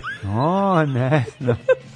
Ne, ne, ne, ja nisam gledao. Ja tu seriju nisam gledao. Ja mm. porodično blago. Tu je Berček igla bogata, bogataša, da, tako, da, koga da, da kom da, da, uvlače. Da, da, da. Mrzeo sam tu seriju. Pa ja, uh, trošak, tako nešto. Ju, ju, ju. Ali ga smislio, a? A te njegove nadimke, znaš ti kako me nerviraju ti ono. Da, da, da. Ti njegov, pa, pa njemu je Biberović, vrhunac, vrhunac moju teoriju, ono što bi ja pitao e, Sinišu Pavića kad bi imao priliku da napravim intervju s njime.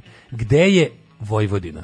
Jer postoji u vašem svetu pa Vojvodina. Pa piti Šotro ne postoji Vojvodina. Ni u Šotro ne postoji Vojvodina. Da, ja botane Moravski Karlovci mislio da bi izbegao Vojvodinu. Tri znači, Vojvodina ne može da postoji kao Onda bi izbeg, da bi izbegao Vojvodinu zato je treba reći da jebene Moravski Karlovci. Zato treba reći si Vojvođanin. Samo da bi... Da bi ono, Uskurac. Pa naravno, a ne zato što da. si vojvođeni. Da, da, da. Nego da bi te Rus kurva, to stalno da, pravi. ali ovaj e, pa ja sam znaš ono znaš kao Irish American, German American. Da. Ja sam uh, German American. Srem Jugoslav.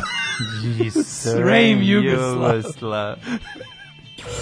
Svakog radnog jutra od 7 do 10.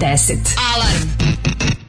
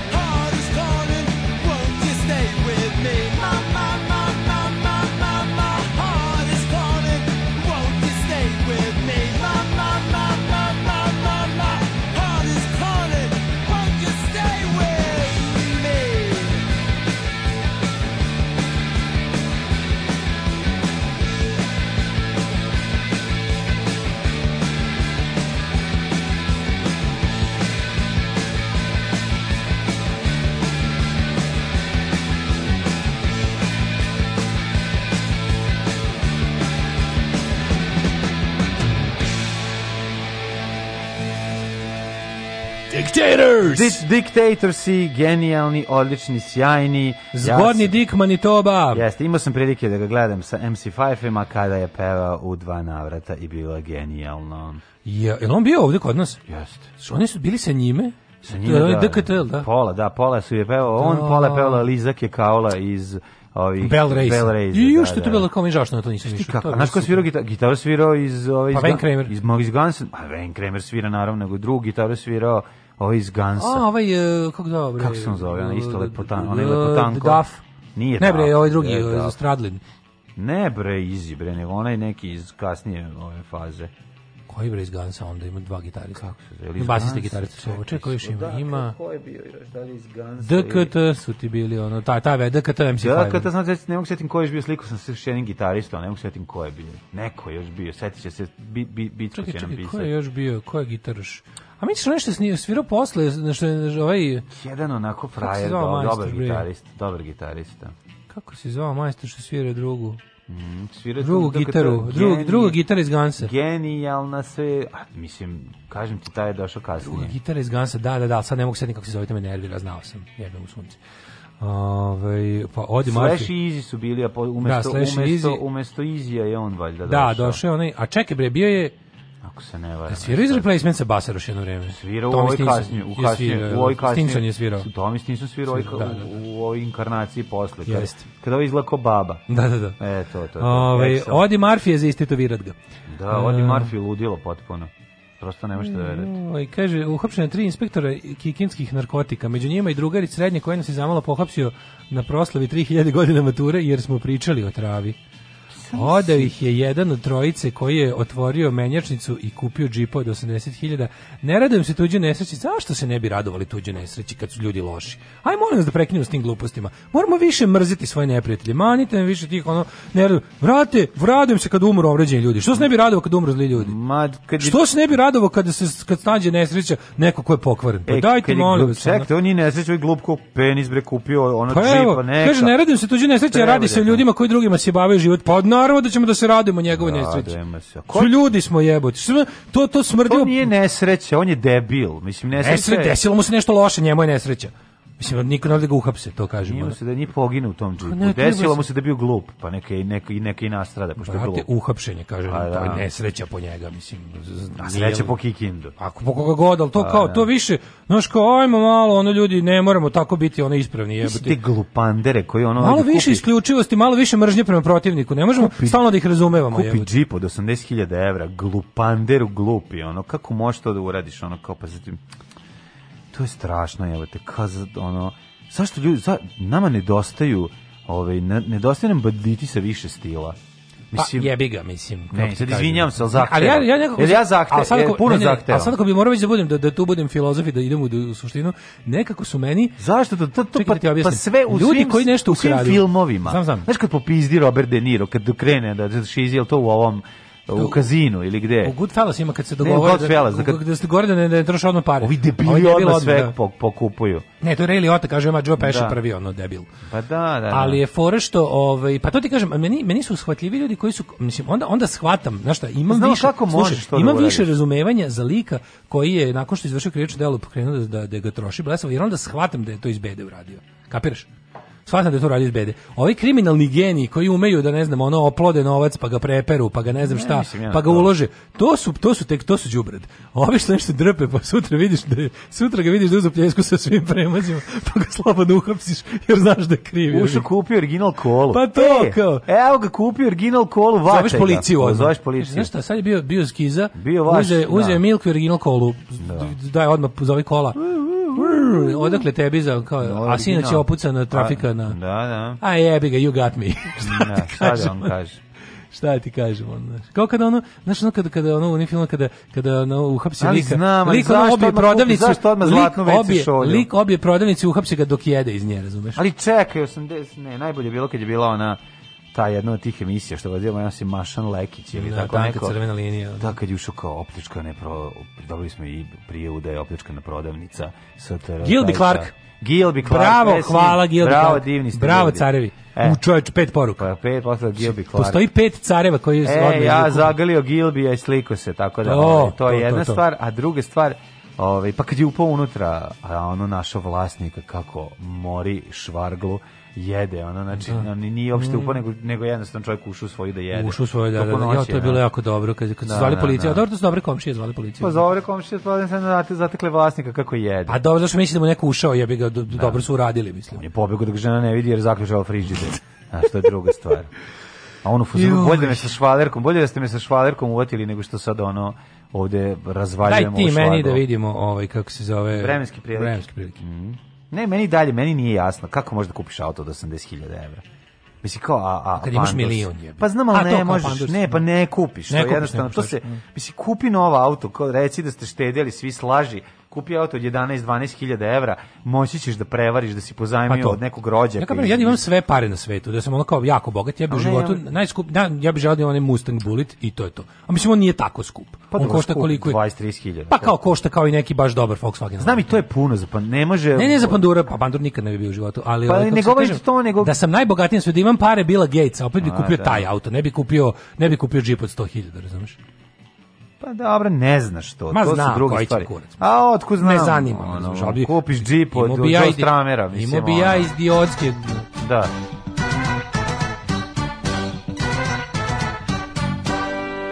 ne znam, znam da ne bi dao 25.000 evra za Wi-Fi, ovaj, za, ovaj, za Hi-Fi, ovaj, kako se zove, zvučnike i ne znam, high-end i ne znam Ko, kakve. To bih možda probao da sam pa Bill Gates. Ne, ne to, to me više zanima nego Jeep, razumeš? No. Da. Znaš, kao, to, kad bi već morao da, da, da imam... Kupio bi dobrog da maranca, da imam, da imam kupio bi kvalitetne JBL-ove ili neke da skupe. Da imam eksentrično glupetanje, pre bi išlo u ulaganje u hi-fi opremu nego u Pa završi završiš sve sa 5.000 Ne, imam ja svoje gluposti. Da znaš kupiti za 25.000 evra. Pričam ti o tome da... Mlađo, da imam pare Bila Gatesa, ne bi se setio da kupim kupim džipa, a, setio bi se da probam. Znam, ali ima neko drugi kome su mnogo važnije te, pa bi pomogao. Zar ne? Pa dobro, ali on govorim, o, govorim o parama Bila Gatesa. Znači to se ne može potrošiti. Pa ne I onda možeš, kao to dru, to dru, a, a taj džip ne bi kupio zato što se ne bi setio.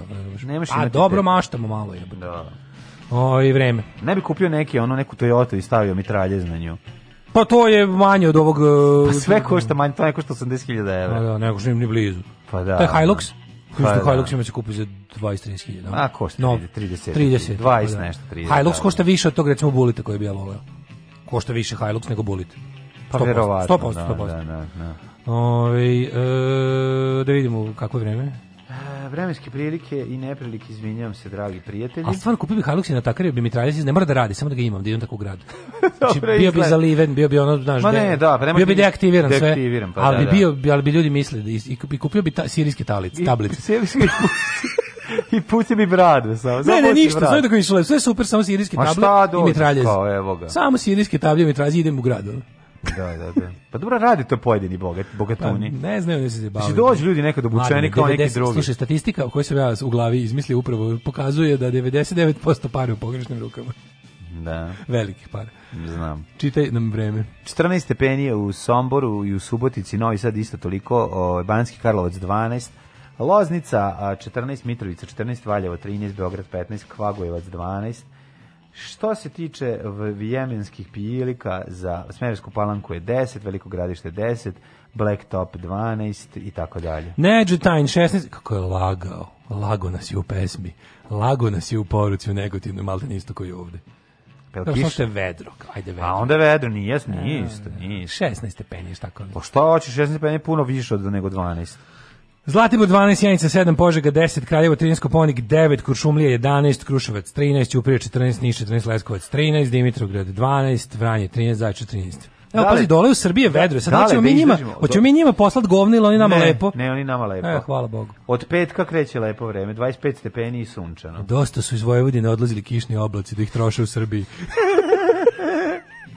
Legendarni, genijalni, brutalni, totalni. Znači, LGBT jutarnji program. Alarm sa mlađom i Daškom.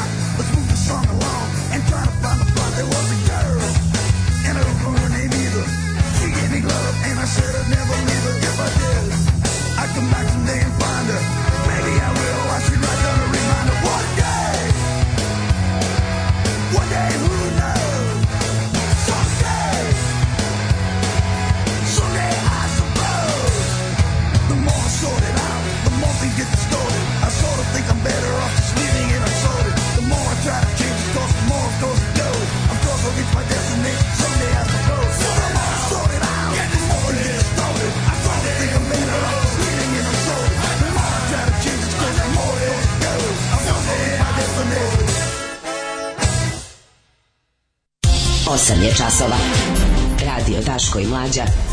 Prvi program.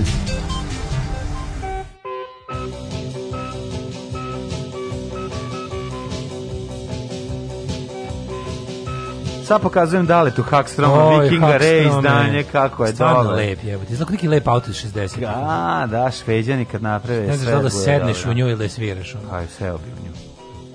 Ti da ima pare, Bill Gatesa ne bi kupio džipa, nema ni deseti milioniti deo para Gatesa kupio iPhone. Da, po pa tako što je ovo tako skoro logično. Da. Što je ovdje sad, što je ovdje u koliziji? Ne, oni kao će da kažu da kad bi se desilo te pare da bi ti pao na pameti džip. Druga opljačkali dok je pekao roštilju pa Pavla. Pokupio pljeskavicu i novac koji je upao u majonez. Kada je došla policija na uviđe, on je pljeskavicu i gledao. Drug kaže, alo, eno ga jede pljeskavicu. I smeje nam se policajac, ne ti si pod stresom. Opljačko ga lik vidi. Garant ga odgovor, neki janpir i džanki upao da to odradi. Ma da, pa da, čim nije otišao daleko. Kaže, mlađe, treba da nam prepa, tvoje preporuka nekog majstora da ruši omanji zid. Da je povoljno i da ne pije. Omanji zid rušiš sam, majku mu. Da. Omanje zid rušiš sam. Ne znam, ja znam samo ove što Zoveš ti, drugara, što postaviš, oni ti zaspu u tvom bračnom krevetu. Zoveš drugara, a je to i uzmete macolu i da vidite ne, ko je veći frajer. Prvo, prvo uh, omanji zid nema veze sa statikom zgrade, pretpostavljam, ili, ili građevine.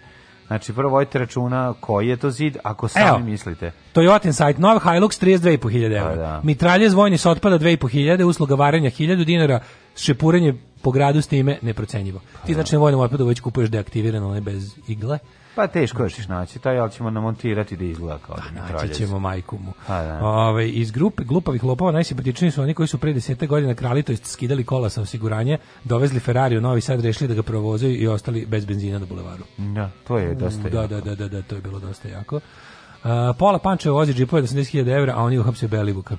Pa onda ovako, ovaj, u, kreće nova antikomunistička serija Vreme zla na novoj, da, da, da, to je, vidio sam novu programsku šemu na OVS biće prelepih, ovaj, biće nastavak Dobrice Ćosića, to je onaj vre, otpadnik, grešnik, vernik. Aha. Ili trilogija Vreme zlato je već Dobrica, ono, Tu je Dobrica šta kada pa, komunisti pa, dolaze. Pa da- zli komunisti. A znam, komunisti, zli komunisti i Dobrica među njima. Komunista nema redenika, nema lepše vojske četnika, ta serija. Da, da, da, biće nova. Mm -hmm. Ovaj video sam baš onako lepa, lepa ovaj nastavak obračunavanja s komunizmom, mm -hmm. što nam je najpotrebnije u ovom trenutku. Znači, to je jako važno. To nam je najvažnije u ovom trenutku. Da pre, tako mislim pretnja od komunizma mora biti otklonjena. Tako Komunizam samo što nije izbio u Srbiji, mora se, to. mora se otkloniti ono. Ove, ovaj, e, vlada Srbije odlučila da uplati novu donaciju Srpskoj pravoslavnoj crkvi za završetak radova na izgradnji i uređenju spomen hrama Svetog Save. 6,1 ovaj, Jel Čekaj, je li onda gotov? Je li onda završen? Ajde, ne, ne okej. Okay, ćemo... Ajde... Hiljadu objasnio, da, da hram, da, da. hram nikad nije završen. Nije završen, da, da. da, Znaš, da, da. znači, rat ne vodimo da bismo da, ga vodili, rat može... vodimo da bismo ga vodili. Da, zaboravio sam, da bi se, da bi se vodili, da, da, da. da. da. Bože sam rekao, možda će Putin opet doći da se potpiše ili tako nešto. Čekaj, šta, je li 61 ili 6,1? Sad moram, moram, moram, počitam. Pa mislim, bre, bre, rekao 61, e, na, znaju, sećajući se kako je Vučić u onom džinglu pitao da li ima 9 miliona, onako kod da je tražio, imaš možda da mi daš 17 dinara da kupim kiflu. 6,1 miliona evra. A znaš kako tražio 9 miliona evra onako samo A mi smo nazad, kao srećni. A pazi nas, oni iz nas ono dresirane majmune. Mi smo kao srećni, kao 6,1, nije ne. 61. Jer smo ladno pretpostavili da bi oni mogli da roknu i 61. 6,1 miliona evra. To vam je pozlata na ono na ovoj kako se zove na mozaiku svetog cara prevashodivo je pterodaktilićevskog petog osvajača i, i, i kneza gazdoljuba i svetog e, ne znam kog već ono vladike to vam je dvo, troje troje dece. Tako je. Kad se dete razboli od, od retke bolesti, onda ga dete u crkvu nek sedi Od tamo. jako retke bolesti da. ove lečene. Da, troje. Tako je. Znači, da, da. mrzim kad me svedu na taj populizam da, pre, da prebacujem sve u bolesnu decu, ali jebi ga šta da radim. Ja kad vidim ono 6 miliona za za ono. se država i prvo reši bolesnu decu, pa onda nek radi sve ostalo. Pa da, prvo tu bolesnu decu bre, da kao da. u Nemačkoj eutanaziramo. Više, da. Nek da. eutanaziramo da nam više ne ometaju gradnju crkve. Ne, stvarno, mi dok smo mi crkva da trpimo, koliko je, koliko je, koliko je nezavršenih crkava zjapi dok tu tu tu kmen, kmezavu kilavu decu lečimo po inostranstvima. Dosta bre više. Ej, u sve nismo uzeli novine. Nismo uzeli novine, čekaj sad ću ja. Dok ti donosiš novine, ja ću ljude zabaviti jednim vicem. Došli bili mu je i Haso. I Haso bio jako glup, a Muja bio još gluplji. I kaže njemu, e, stigle su nami. Dobro. E, kaže ovako. U zadnjem momentu. moglo je, moglo, moglo je, moglo smo stišli u kraj vica. Dobro si me pokrio. Nisam znao e, šta, šta, mlađo, šta se dešava. Nakon dva dana odmora Blic se vraća horor pričama o polosku u školu. Da. Roditelji više ne mogu da traže da deca uče online. O, ne, hvala Bogu da ne mogu da A roditelji su uživali u tome da hvala da uče s Bogu online, da ne, ste vi normalni. Ne. Da. Koga vi zajebavate? Sutra protest roditelja koji ne, ne smeju više sa svojim decom da uče školu kod kuće. Da. Mm -hmm. uh, da vidimo što imamo. Miraševci, ko su Miraševci? Mm. To neko mesto? A Miraševci to je pogrdni naziv za vernike Crnogorske pravoslavne crkve. A, boga mi, boga mi, napeto pa kaže ovako, Brena zaplakala u rodnom brčkom. Kaže, Fox zvezda na grobu roditelja. sviđa mi se ovo. Sviđa mi se vest. E, Što ti sad, to, to sad baš nije smešno, samo pa, na mislim, grobu. Fox zvezda na da. grobu redite kako u rubrici zabava. Aha, Zato je smešno. pa to moraš da kažeš. Pa mislim u rubrici, a ne, ono u rubrici ekonomija, crna kronika. A ja rekao, možda pored roditelja njenih, ono, možda pored familije Jahić sahranjena neko sa smešnim prezimenom. Pa da. kao pa si pa si to video, pa Ne, ne, ne, ne, samo mi je Znaš, ideš na groblje pa pročitaš smešno prezime i onda u koloni i onda onda ovi oko tebe kako u koloni kad kreneš da, da ih da ih da drmaš, drmusaš da, da pokažeš. Dugo vremena. Oni oni jako se trude da te ne pogledaju.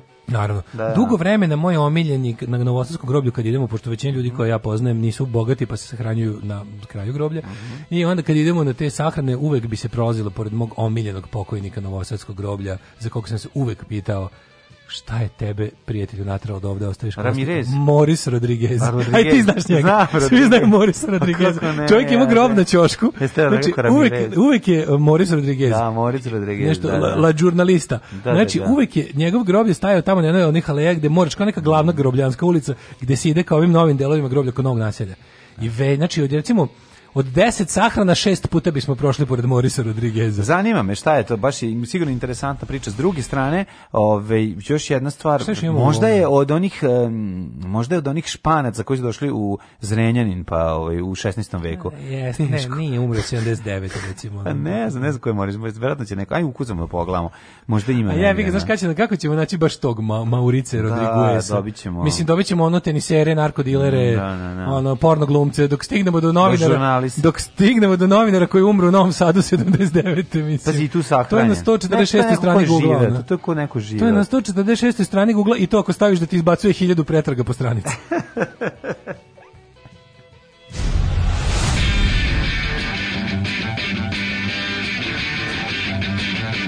Sutra idem na razgovor neku pekaru. Pekara od pola šest radi, jebem ti pola šest bogova. Alarm sa mlađim i Daškom.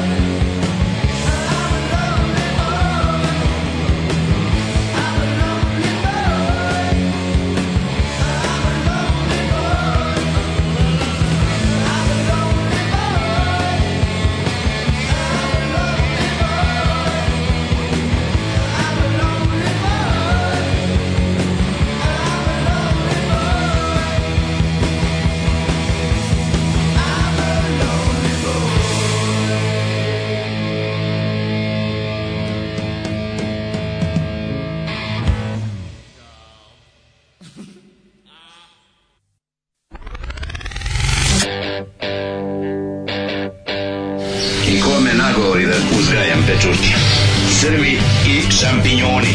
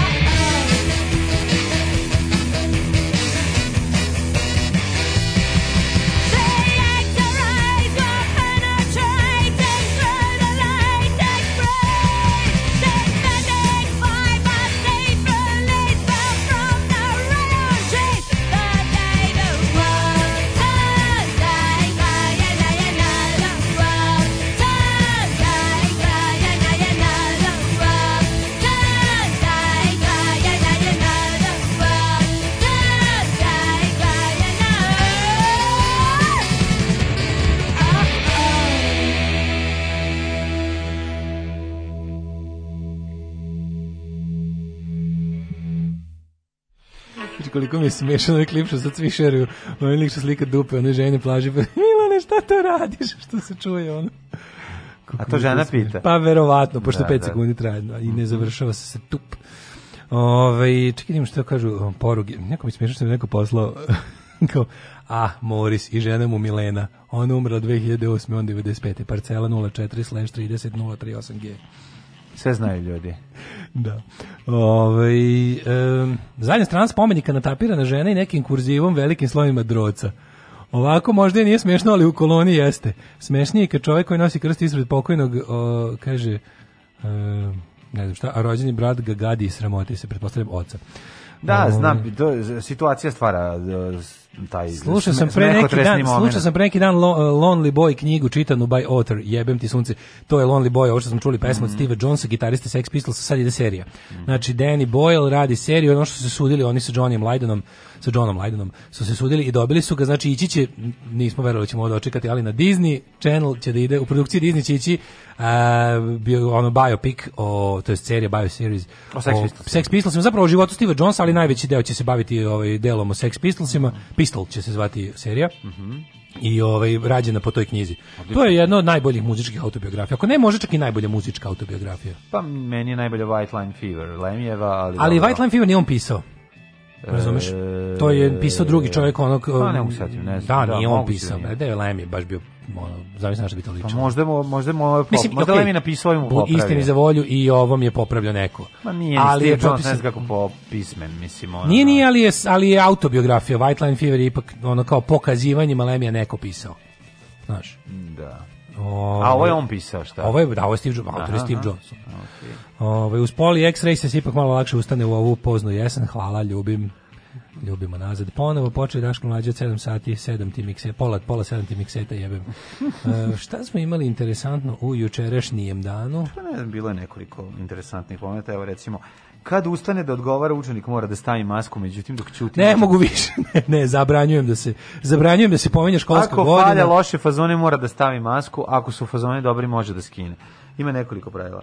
Nadgledajući mislim mora reći reći, znači ono nemojte zebavati, mislim znaš kao možeš ti ti može da ti kao neki nadležni organ može da izmisliš šta god hoćeš. Ono koliko je to primenljivo u u samoj učionici, mislim možeš misliti imaš 30. Znači, ne, meni je 30 dece i sad kao treba nastavnik da gleda ko, uh, ko u trenutku dok sedi, mislim dok pogledaš svih 30 dece da li imaju masku na licu, proći će ti ono 15 minuta čaš, časa. Mislim, znaš, kao, to, to, taj, taj moment kao gde će kao sad svi Mislim, to se neće desiti. Jednostavno, stanite, imati, dajte neke... Vidi, ukoliko se uopšte, dajte ukoliko neke ukaze. Da kažem, u, da li, ukoliko uopšte postoji, logičnije. Ukoliko uopšte postoji želja da se školstvo bar vrati na jadne niske grane na kojima je bilo pre korone, mislim, to će da bude, ne znam ja koliko godina.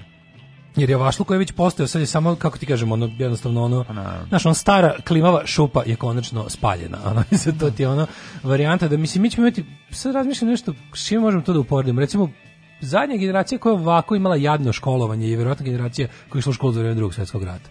Mislim, od tada pa do danas nije bilo ovakvog bolenja kurca od strane države za, za, za obrazovanje. I to je jednostavno, oni se ponašaju, to, kao, svi smo manje više nekako, znaš, Jedno je kada ti kao klinac misliš, a šta škola mi ne treba, čemu to služi? Kad država to misli, to je malo zajebano. A pa ti pa, tačno misliš ti tačno vidiš da naša država to misli. Dobro, pa Prvo po načinu na koji se da odnosi prema tome, drugo svaku tu da, to je normalno. Naravno, ali ne shvatam da isto tako kao odrastao čovjek, kao što kao dete nisam shvatio šta će mi škola, tako da. kao odrastao čovjek ne mogu da shvatim da postoje odrasli ljudi koji smatraju šta će mi škola. Da. I da ti ljudi su baš u, ne, u nekom čudnom spletu okolnosti ministar prosvjete i njegovo ministarstvo. Mislim ti više kao zemlja koja delegira Ružića na mesto ministra ministarstva prosvete je apsolutno nezainteresovana za prosvetu. Šta više, čini mi se da ima i nešto protiv prosvete. Ne. Mislim, to je ono, kao da pravo ime bi bilo ministarstvo protiv prosvete. Da. da to treba da pije borbu protiv obrazovanja. Proći to bi trebalo da stoji. Ja da, sproću prosvetno da, ovo, ovaj, da, da. ministarstvo, na čelu je mladi Branko Ružić. Mislim, i uopšte to, a celo to pumpanje tog antiškolskog momenta kroz državne medije i državne tabloide, to je mislim da, da se znači kao RTS još ima obavezu da glumi nešto kao to da se da se kao posvećuje da, da, da, da. učestvuje u tim u narednih 10 godina vraćamo da. škole pri manastirima. Pa recimo, ono gase da. se državne škole, vratite ih pri manastirima gde će A ove ostale će biti samo spremačnice za mm. rad. No, no ostale će biti znači ono kad mm. završiš obrazovanje čuveno. Tako je, u prevodu ono svi ćemo biti slagači mesa prvi stepen. Ne, to je ako to. nas usere ono, ako, ako budemo ne, Ako ne budemo To ovaj- talentovani među nama istrajniji da, među nama. Motači kablova. Pa istrajniji među nama će mm. možda biti slagači mesa, znaćemo da prepoznamo razliku između ribića i, i, i buta. Okay. A ovaj nego sam teo da ti kažem to i ovo pumpanje uopšte to je nekako E, kroz medije ovo što što smo primetili kao to neka to ta ideja plašenja ljudi školom. Znači to je idealno Aha, bilo pa da. ništa bolje od korone nije moglo doći na inače već njihov plan ono odvraćanje ljudi od školovanja. Pa da. Tako pa da, da ovo je glo... sad je prilike sad je opasno ići u školu pozdravlje. Na sve ono što se može u školi desiti, a to je da te strefi neko znanje i veština, sad još i bolest ne smije da strefi visoko obrazovanje, jer visoko obrazovani ljudi normalno. umeju da zahtevaju neke stvari, znaš, ono visoko kao obrazovani ljudi hoće da i naglasaju kako im se kažu. A da, da, da, ovako da. znaš kao dok ti napraviš taman armiju ljudi poslušnika koji će da zaokruže broj koji treba, a zapravo oni će u osnovnoj školi učiti da na kraju kad budu završili tu jelde, da, osnovnu i srednju školu da sa 18 godina zaokruže broj koji se od njih očekuje. Pa to je jednom u četiri godine. Dok se to formalno ne ukine. Da, Mislim da, i to da. će formalno se ukine kada korporacija preuzme državu i kada da, ono naš generalni direktor zvali ono Pepsi Srbija, nikad Jugoslavija. Tako je. Ali ovaj e, gledam se da kaže, ovaj svaki peti poslanik ni jednom nije ušao nije, svaki peti poslanik nijedan nije izašao za govornicu skupštine. Da. Mislim, ako uzmemo u obzir da se više ni ne izlazi za govornicu, nego da s mesta mogu da truju na onaj dugački mikrofon, da ih je čak i to mrzelo, znači to je pa potpuno, znači 50 ne. ljudi. A možda je bolje što nisu, pa znaš ko to je ekipa? Čak i sad realno. Pa znam, ali što, meni neverovatno, što je neverovatno, neverovatno da je... Pogle da je, ekipu koja izlazi. A ne, ali jebeno obrnuto je. Ovi, pazi, čak i među naprednjacima postoje slojevi. Sad neverovatno je kako su oni se dogovorili da u Skupštini izlaze samo najgori. Znaš, kao tipa, Naravno. ti u naprednoj stranci imaš likove koji su onako neka vrsta, kako ti kažem, ono, Neča, nečasno obrazovani ljudi. Da, pa to je onaj to je onaj legitimizator. Pre, da. da Legitimizatori, da. znači ono kao taj neki preobučeni DS. Ili DS da, kadar da, ili da. tako neki, razumeš, jednostavno tako neki mutlige, sitno sopstvenici, neki profesori koji su uhvaćeni u nekim nedelima, pa im je pokazana određena fascikla, a za koji su oni rekli pa ne moramo se svađati, evo biću srećom ja u skupštini i kada budete trebali da prikažete kako skupština ne sede samo lako retardirani vaši ljudi koji lepe plakate. Videćete mene kako ne spavam. Videćete mene kako grejem sendvič u mhm. laptopu ali ovaj, svaki pet, mislim, kapiram da oni ni ne govore toliko ih ima, recimo 50 ima tih neki koji su nešto ljudi sa zaista nekom školom ili nešto, ne. Da. oni mudro ćute, a kebare skaču, razumiješ. I onda ono kao, ovaj, evo kaže ovako, redko se mešaju u svoj posao, svaki peti poslanik Srbije od kako su ušli u salu parlamenta nijednom se nije javio za reč. Rekorder za govornicom poslanik i šef poslaničke grupe socijalista Đorđe Milićević. Kako, čekaj, kako ako ih svi jednako ćute, zašto je ovaj, ovaj rekorder jer je stariji? Znaš, ono, kad, nikad nije. Kad tebi meni jednako smrde noge, da. ovaj, više smrde onom ko nosi veći broj obuće. A ovako su 45. Znaš, kao to, da, da. tako se gleda, ono. Jeste, ovaj, ovaj- ne znam, primijetio sam da... E, ali čekaj, taj, tu i tako skupštinu... Ta hajka na tu i tako izabranu skupštinu, na tu ekipu, traje sve vreme do sledećih izbora koji kao treba da skinu te užasnike koji su za koje smo zaboravili da su ih isti postavili. Pa mislim, ne znam šta ovi kaže, ovo Đilas juče rekao da će ako bude minimum uslova izaći na izbore, ako ne bude pozvaće ljude na ulicu. Juče nešto zvuče, pa mislim da tako bilo jadno. Opet su bili na kao bio sa ove bre saziv bila je sednica skupštine Beograda tamo su im se ovi dodatno najbali keve, otprilike naprednjaci su dodatno se na ono na, na, na ispišavali po ono ovdje ćemo osrušiti, ovdje ćemo zidati no. Da. i šta nam možete. Mislim, oni treba sve svoje, vlada Srbije i Skupština Srbije i Skupština Beograda treba sva svoje saopštenje odluke da završava sa i šta nam možete. Može, da. Tako da na kraju na, na, na, i šta nam možete upitnik. Ako čisto onako da se dodatno popiše da, u kao ono Kartaginu treba uništiti. Sve da, sve da. mislim da. Da, da mislim da. da, da nam I onda se neko neko onda on kao stoji ispred on i ti njegovi ono likovi sve, sve neki pristojni ti on stoji on kao i onda tako bacate neke ono fazone I tako ti samo ti bude, budeš ono u fuzonu, onda pusti malo ovo iz dveri da priča, da ti bude dodatno muka. Da. Znaš, ono, taman kad pomisliš, ajde, dobro, možda bi u cilju ono ozdravljenja društva mogu da pojedem i ovo govno, ovaj ti kaže, čekaj, čekaj, čekaj, još i proliv preko, čekaj, da. čekaj, čekaj, još preliv od proliva od gore. Evo, pitaćemo gospođu iz dveri šta ona misli o bilo čemu. Aj ne pitamo gospođu. Aj ne pitamo gospođu iz dveri šta ona misli Nikad. ni o čemu, da. ni o prostornom planu. Ajde, on, kažemo, e, ženo, idi u manastir, za to se boriš. Idi čuči u manastiru, ono, Sveti uh, ono Pantelejmon, tamo u ženskom manastiru Sveti Sisojevac. Idi, stvarno je Sveti Sisojevac, sam ženski manastir, nisam izmislio, čisto znate. A ovaj e, idi tamo i molim te bavi se time, a ono ne zanima me ni baš me od, od tebe takve me ne zanima apsolutno ništa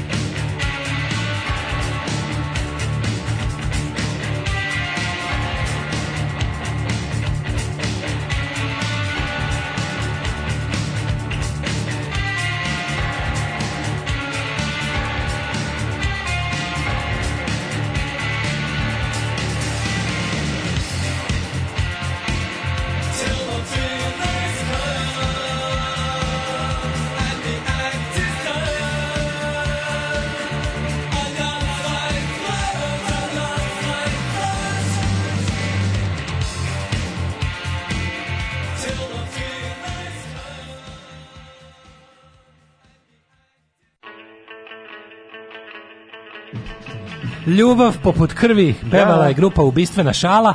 Jeste. Ovaj e, hoćemo preći na sa ovog, E samo kažem zbog ove skupštine nisam stigao da dovršim mm -hmm. moju veliku misao mudru. A to je video sam ovo ovaj na, na, tu i takvu skupštinu sam juče video jad, ono, najjadniju jadnicu na svetu Gordana Čomić. Ko to ljudska beda, jebem ti život. To je stvarno ono, mi smo čoveče ono tipa godine dve, pre dve godine u istoj ovoj emisiji nju predlagali za kandidat ono kao mogla bi da bude žena kandidat za predsjednika Srbije da izazove da, da, Vučića. Da, da, da. A ona mu živi ne u čmaru, nego ono u jednjak mu je ušla s druge strane, jebote ona. Ali ono tužno. Znači, ali ono tužno, to je stvarno tuga za gledanje. Znaš što je izjavila? Mm. Kao, o, Skupština Srbije nikad nije bolje izgledala kao ovo su kao jedinstvo, jako se lako radi u pa skupštini. Pa, je sarkastična? Mislim, ne, se rada, ne, da, ne, ne, ne, ne, Kao, kao nema više čupanja kabla, nema nasilja u skupštini. Što ono? Nema nasilja, nema mišljenja. Nema mišljenja, da. Pa da, nema, pa da. nema čoveka, nema, nema problema. Čovjek, pa da. Nema čoveka, nema problema. Nema mišljenja, nema sukoba da, mišljenja. Nema sukoba, da. Nema, da. Sad je tako, i on kao, možete da obrazložite to svoje, pa kažem kao, pa ja sam kao u skupštini zaista dugo sve kao svakakve sam scene tu gledala sve je da. to bolje, jadnica jedna, da, bedna, da. sve je to bolje od ovog, od, od, onog od ovog mraka, ono jedno umlje. jedna država, jedan znači, narod, Či iznošenje šešelja i to je to, pa na, da. na krkače je bolje od ovog blama i smrada iz skupštine. Kako možeš tako jadan da budeš jebote? Ah. Mislim, šta oni imaju o njoj da se tako blamiraju? Nema ništa o njoj, ona ima od njih sigurno. Pa šta možda imaju od njoj? Šta Mlađe, jebote, meni ovaj stepen blamiranja... ona nije ucenjena. Meni ovaj stepen Ona blamiranja... nije ucenjena. Ona, ne znam. Nije. Znaš zašto ne? Zato što, gle. Zašto je bila ucenjena? A ne znam, kad je čovjek ucenjen, ti nekako vidiš da on nešto radi potmulo, onako tipa vidiš da radi u strahu od... Znači, čini mi se da radi nešto u strahu od kazne. Ovo, ovaj stepen, što je baš kao, baš je mu visoko motivisan da se ovako blamira. Ova motivacija koja, ja mislim, meni neshvatljiva, razumiješ? Pa možda je shvatljiva, Znaš, kao, ako se piše sa... Koja god nagrada bila, iznosom. pa ne znam, šta može dati čoveku da se tako blamira? A nešto može dati čoveku da se blamira sa onim predizbornim videima, mislim, to je prvo pitanje. Ali ja kapiram, dobro, mislim, ona baš, kako ti da kažem, to je, to je, to je, to je neukus, to je ona... Šta je, ne, pa ona je bre... Ali gledaj, kako ti, ja mislim, to je, to je, to je, to je to možda to je njena estetika. To, je isto što je. To, to, to nije njena estetika. To ja mogu nju da zamislim da to, da sama smislim. Ja mislim da to nije njena estetika. Pa mogu da zamislim da sama to, to se zove smišljanje skidanja sa one stvari. Znači, to nije ništa, ali da izjaviš da Skupština Srbije 2021. Da. takva kakva je danas i svi znamo kako je nastala i kakva je, da je to najbolja Skupština. Pa to je Brnabić iz, izjava. To je klasično. Pa zato ti kažem, to mi, to mi ne da. izgleda kao nešto što je rezultat nagrade, nego nenormalan strah od kazne. Razumeš, to je kao ludački strah od kazne. Mislim, znaš, ono, ta, tako se baš to je ono kao, znaš, mislim, znaš, platili smo ti platili smo ti da te ne znam šta, a ti ono kažeš, je dovete magarca. Da. Znaš, baš da. mi je ono kao, nekako mi je, nemam pojma. Ne, ja mislim da kod nje uključen taksimetar, ona noć na pa, vožnja. niko nema takav taksimetar jebo. Pa ne znam, e, ja meni, naš, naš, mislim, ne, zašto, mislim, nisu svi ljudi ucenjeni, mislim, jednostavno pa, neki da ljudi da nisu svi ljudi, priznaju, mislim, pristaju ja, na nešto. Ja, ja tvrdim, ne mogu da dokažem, ali da, odgovorno da. da. imam, ubeđen sam, da svaka dobra naprednjačka uspešna priča je kombinacija straha od kazne i ogromne nagrade. Na kraju krajeva tako mislim da je i ono, ja tako mislim i da su uopšte SNS da tako i došao od međunarodnih ono faktora prostora. Ne razumeš jednu tipa, stvar. Tipa, ako ne uradite šta vam kažemo, bit ćete da, tipa u američkom zatvoru. Tako, ali nije tako, nema ako tu ne budete Ono... Stra, sam, sama, sam, um, sama činjenica da će da čovjek koji je navikao ja, na privilegije ja, znači, može ostati da bez njih je dovoljna. Da, znači, nema može, potrebe da bi neko ima nešto od mlađo, tebi. Mogla, ona, ona može lepo da mislim ona se prodala i A, ja, da. ali ne mora da traži da je dovedu magarca. A dobro. Razumeš? Niko je bre nije vukao za jezik da kaže da je ona najbolja skupština. Kapiraš kao da je neko re, nije nije. Otkud ti znaš, znaš da ona možda nema ono ugovor, mislim, u nekom ugovoru, dogovoru, pa u nekom dogovoru da treba da izađe u javnost svaki svako malo i da ono iz da Znaš, ovo neko reče, mislim, ono grozno zvuči, kao da se nije nešto jako razbolelo, pa je sa ovi mogu, samo ovi mogu da leče. Da. Mislim, onda bi razumeo, mislim, ne bi, da. naravno, ne bi ne bi razumeo, ali bi razumeo, razumeš šta ću da, kažem. Da. Ali bi razumeo ne bi pravdo, ne bi ne bi ne bi odobravao, ali bi ali bi, bi bilo jasno ona ili neko njeno. Da, znaš da. kao mislim, znaš, postoje te priče nažalost znamo vrlo opasne znamo, i da. časne da. ljude koji su da. se koji su pukli pred patnjom svojih bliskih osoba kada onaj ko te najviše ponižava ceo život se odjednom pojavi kao, kao rešenje tvojih problema, da, da, ali za uzvrat moraš da mu ližeš. Mm. Znaš, njuma. Da. da ližeš njuma. Tako da, ajmo preći na vedrije teme tuča roditelja na školskom turniru iz futbala. A pa, može, može tuča roditelja, a može i, ako te zanima, da mu krokodil Muja treba da dobije devojku, iako ima 85 godina i dalje može. Krokodil Muja simbol stradanja životinja u da. ono, on je bukvalno krokodil Muja treba da bude logo, treba da je amblem te neke globalne kampanje za ono abolish the zoos. Da. To bi baš trebalo, znači da ono kao... Ja bi predstavio nekog sisara na tako nešto. Ali, pa ali on je simbol, pazi, Ma jest, krokodil mujat je, je simbol životinjske... Pa- bombardovanje, sva bombardovanje. On je tu od kad postoji taj da, zatvor za životinje. On je preživeo nemačko, savezničko i opet savezničko. Mađu, krokodil muja. Da, krokodil muja, ulicama luta. Da. Sa sobom Krokodilčić zvani muja. On, razumeš, tamo sedi i čuči da od, ceo dan. od početka tog mučilišta. On je mhm. simbol, razumeš, svi, svi, su, svi su se izvukli bar smrću, on to krokodila. Ja. Hoćemo krokodila, a onda krokodila muju. Nećemo krokodila, hoćemo fudbal. A pa sad si mi napraviš šlag. A šta s krokodilom on beogradski Ali ako mi ostane šlagford ovde neizgovoren, istvoriće mi. Ispravnik, da se ne skori šlagford. Čekaj da izvadim šlag, izbacim šlagford. Šta krokodil muja, ono, on sve smo rekli Zoškom vrtu hiljadu puta. Zatvorite to sranje i pohapsite. Ne, samo on, on i sa 85 može on je ko, ko Željko Samarđić. Aha, on to, sa 85 to... godina obeležava teritoriju, što znači da bi voleo da čekaj, čekaj, podgre kiflicu. Sad ćemo da vidimo koliko krokodil uopšte živi. Može to je običan nilski krokodil, tako? To nije običan nilski krokodil. Nego koji je? To je nimalo neobičan nilski krokodil. Da, krokodil lifespan a žive oko, oko, u, u, u, prirodi 50 godina, u zarobljeništvu mogu i do 90. To si negde pročitao ili lupetaš? Lupetam. Ne, žu jebote, vidio, nilski krokodil 60 godina. Pa kažem ti ja, ne. Da. Dobro sam rekao, zato što ja znam to negde, u hipofizi su mi pohranjene. U da. hipofizici. Da, negde su mi pohranjene te informacije, pošto sam ja, ovaj, gutao dosta. Ovaj, A koji je muja krokodil, pošto ima tu nekih... Ovaj, kao... On je krokodil Dandi. To je posebna vrsta da, krokodila iz Australije. Iz Australije. Da, nije, da, pa on je, da. mislim, nilski nilski krokodil. Nilski, mislim. Da, da če, ne, on je mali krokodil. Nije on mali, je. Nije on tako velik. A veliki je, koliko nije, nije on velik. 5 metara velik krokodil. A nije taj je, zato je. zato što nije mogu da poraste jer je bio u malom prostoru. Pa to je moguće. Ja mislim da su oni kao ribice rastu. Sad ću ja njega prepoznati. Krokodil raste koliko mu je akvarijum dugačak. Ja mislim da je on, da je muja ovaj e, indijski. Tako na njega mi najviše liči. Nije indijski krokodil. A, ne? on je orinoko krokodil. Kaže ovako. Stvarno to lupio ili? Pazi, on je, pa za početak on nije krokodil, nego aligator. Ali, moj aligator? Pa evo, kaže. Nije bre moj aligator. Evo, kaže, najstariji aligator. aligator na svetu ovih dana. O. Znači, ako aligator, dakle, zato sam, zato sam ti rekao značajno, značajno je manje, krokodili su puno veći. Da. A, kaže ovako, aligator muja, koji uopšte nije krokodil, za početak, a sad prekrenimo dalje. Jeste, jebote, stvarno je pa aligator. Pa aligator, pa to ti kažem, aligator. Da. Najstariji stanovnik zoološkog vrta u Beogradu ujedno i najstariji aligator na svetu i u devetoj deceniji života mm. doziva sebi ženku za parenje. Znaš kako on to govori ovako? Dajte mi ženku, krvam jebem. Ženka. Ženka. Jadan. Odbacuje ženama dok prolaze. Opa, šatirana. Opa, Jeste jebote, ovo su aligatori, ali ja sam ih pobrkao sa onim, znaš šta sam ja mislio, ja sam mislio da, ja sam mislio da je da aligator po, po, samo ono s dugačkom. Ne, aligator ima široku glavu, a, mnogo širok krokodila. A ja sam mislio da aligator ono sa onim dugačkim baš. Da- da aligator da živi u Južnoj Americi.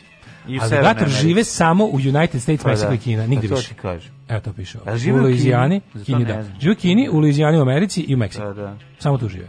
I živi u zoološkom vrtu. Jeste, jebote, vidi stvarno ovaj kroko, aligator. Aligator. Uprkos tome njegova tačna starost nije poznata, predviđa se da ima najmanje 85 godina. A zašto ga toliko ima u zoološkom vrtu? Nije, nek zašto Ćale kad ga je rodio nije sišao, pošto su iz sela jednog, nije sišao iz Bosne, nije da ga prijavi. Da prije, prijavio ga mnogo kasnije. A, da. Ovaj, oni su, ovaj, Vuk Bojević kasnije ga prijavio. Oni su ovaj, za njega samo broj, jer on i dalje širi ljubavni zob, obeležava teritoriju i kako ne vode stručnjaci, koji se brine o njemu i traži ženku. Nije se usro od starosti ovo što je oko njega, nego to on obeležava teritoriju. Ali mlađe, vidiš sad Ili on voli jasno. da oni misle da obeležava Koji teritoriju. aligatori? Evo sad gledam kao aligatori Neverglades, ovom kako se zove. Aligator, da. Viš ima široku glavu. To je jasno. na Floridi. A ne, ovaj je baš onaj sa dugačkim, onaj kao aligator. Znaš, onaj što ima kao kljun skoro. Pa nije to. Evo ga, to je, evo gledam sad vrste aligatora. Dobro, pogledaj sliku ovog. Evo. Da, ne, vidim ja, znam ja kako muje izgleda. Jeste, to je muja. To je A baš muja ima onu, ovaj, On je negde na pola između tupe i dugačke. Nije, nije, on ima širu glavu, značajno. Aligatori imaju tako š, malo špljosnatiju i izgledaju malo svojim... Izgledaju sam... gluplji od krokodila aligatori, to sam te da kažem. Manje, za, da manje nadrkano. Pa da, manje da, da, da, da. Kaže ovako, Srboljub Aleksić, direktor zoološkog vrta, niko ne zna ni ko je direktor nakon Vuka Vojovića, iz Varijani nisam zapamtio ni jednog. Kaže, ovaj, da on izuzetno dobro izlaze svoje godine, obzirom da tu imaš 85. Mu je dosta živahan, primio je vakcinu, to sam teo ti kažem, mm -hmm. ima overenu knjižicu, Ove, ovaj, i, Smanjili smo mu penziju, dobio je 2000 dinara i, i paket ono, oh. vitamina. on je jedan lojalan penzioner. E, hladnje vreme mu ne idu prilog, pa da, jer on izađe samo da jede. Hoće da jede, a sad hoće i ovo drugo na je. On je 2011. imao operaciju prednje desne noge zbog gangrene. A, stalno si u vodi, dobiješ gangrenu. Dobio je takozvano krokodilsko stopalo. Ta noga mu je amputirana. Pa on nema jednu nogu. Jebote, ono znači, nisam koliko, znao, kako koliko to tužno, ja mrzim da. beogradski zoološki vrt. Što su mu ocekli nogu? Morali su zbog gangrene, da, morali su zbog gangrene. Kad bi nekako mogli da... da... Šta, da ga zatvori skroz? Ja da sam tako neki, ja da sam moćna država koja nešto može da pa primorava pa, Srbiju, ja bi da. primorao da zatvori zoološki vrt prvo. Pa ti njemu skineš jednu nogu, onda on plio samo u krug. A da. ne može da pobegne. Aj, nema tamo u krug. Stio koga to, to što smo napravili. A nije što ima brljoku neku. Tuga je. Da. To. Ne mogu, ne, sam svaki put kad pričam o tom, znači popizdim, ono, popizdim setim se ono ti životinje, oni onih lavova na pločicama i ono meni to stvarno ne. 37 je došao u Pa kad je otvoren zoološki. Da. Majka moja. Znači on garant moli Boga, ajde hoćete baci. Ne znam, ne znam, kod reptila, koji je njegov životni prostor inače u, slobodi, koliko mu je... Pa koliko pa, je, sigurno nije... Pa, ona, sigurno nije 2 metra, sigurno misli, koliko je teritorijalan, to me zanima. Ono, pa, kako, vi, koliko... malo više sveta video u divljini. Da, da, da, da. Mislim, kako mene sigurno, znam, samo me to zanima koliko I sa Sigurno je mnogo noge, više, da. to hoću ti kažem. Mislim, to je ono uh, isto koji nije baš kao čovjek koji može koji stane da obiđe ceo svet, ali mm -hmm. mislim, to je kao kad bi čoveka zatvorio u jednu zgradu. Recimo. Hrani se jednom nedeljno, pojede 5-6 kila mesa tad. Da, jednom nedeljno pojede 5-6 kila, onda vari. On je jedini stanovnik Žeškog koji je preostao od životinja koje su preživele početak drugog svetskog rata, kada je ovaj, Beogradski ovaj, kada je Beogradski izvođački gotovo uništen, E, njegov parnjak je tragično nastradao 60. godina prošlog veka. Šta se desilo? A bacio se po tramvaj koji ide ispred da, njihove. Uspeo da izađe i bacio se po tramvaj. Pa, I uspeo da izađe i otišao i legao tramvaj napravio, napravio čizme od sebe. napravio, da, napravio tašnu torbu, sam Da, da, tašnu ne, ove druge životinje koje su ono kad su, kad su gađali Nemci prvi put, saveznici drugi put i NATO treći put, no životinje su nacrtale same sebi metno na čelo vika lađe skratile muke. Da, no. no. Da. Ovde, ovde, baci ovde. Pa možda, baci šim, ovde. možda šimpanze, ali ne verujem da su... Ja, ne, ove, ovaj, da su, da one lavove u Ćuti sve, sve svi si isti. Vukove. Si vidio Vukove? Vidio se Znači Vuk izgleda kaže Bore vratite me na Goliju. Viče vratite me na Goliju da me Daško vidi opet.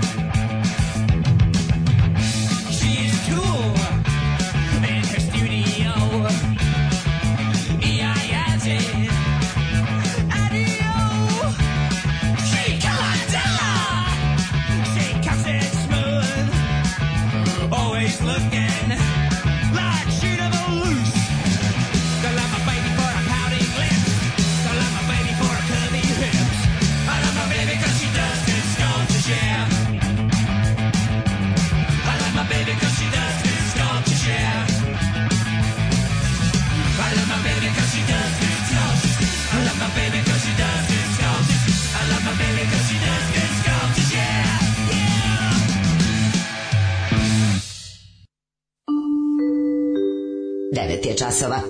Radio Daško i Mlađa. Prvi program. A, evo dobili smo i zvaničan dopis direktoru škole. Šta kaže? Pa zvanično kako to izgleda kad ministarstvo pošalje. U skladu s kalendarom obrazno vaspitnog rada za osnovnu srednju školu, početak školske 2021-2022 godine u sredu Kako želim da taj dan bude svečan za sve učenike u Republici Srbiji, Ministarstvo prosvete, nauke i tehnološkog razvoja nalaže da program školske godine, odnosno prvi čas nastave za sve razrede osnovne škole, počne izvođenje himne Republike Srbije Bože pravde. Mm -hmm. Intoniranje himne škole mogu da izvedu putem razglasa računara muzičkog ili telefonskog uređaja, odnosno pevanjem uz poštovanje svih epidemioloških. Ko nema, super, ko pa nema da, ni telefon, nek peva. Wi-Fi tele, pa dobro. Pa ko nema Wi-Fi nek peva. A možeš telefonski, ako, a možeš škola, za... ako imaš telefon fiksni, da li možeš da zoveš nekog ko lepo peva da peva preko telefona? Mislim, Smatramo da učenici koji slušaju himnu u svojim školama uče da poštuju svoju naciju, odnosno državu u kojoj žive. Aj probajte recimo da ljudi poštuju državu u kojoj žive time što će da im bude dobro u državi u kojoj žive. A da, nemoj zajebavati. Mislim, ima i taj metod. Ne, to, je nemačko, skandinavsko, Ka. američko, englesko, to je takozvani bilo koji drugi metod. To je bezdušni da je metod. je bezdušni mi, metod. mi implementiramo dušu. Da, lako je voliti državu koja je dobra prema tebi. Tako, to može ti, moja baba. Aj ti voli, aj ti voli državu koja ti jebe mater od kad se rodio. Ajde ti tu voli državu. Lako je voli, da, da. Nismo mi, brati, mi smo Srbi, nama treba da bude teško. Na sledeće godine himna kladionice će se... Ovaj, A ne, stvarno, mislim, ove žene, čoveče, lako voliti muža koji je dobar prema tebi. A voli da. muža koji te mlati svaki dan. Tako je, tako znaš, je. mislim, lako je voleti, mm. znaš, tako da treba malo je čeličiti se u životu što treba, bi se treba, rekao. treba. Vidjet ćemo kako se čeliče mladi kad gledaju roditelje, kako se tu. Tako da je u toku na... naša kampanja hashtag prava himna, nagovorite vaše dete sutra peva Hej Slovenije.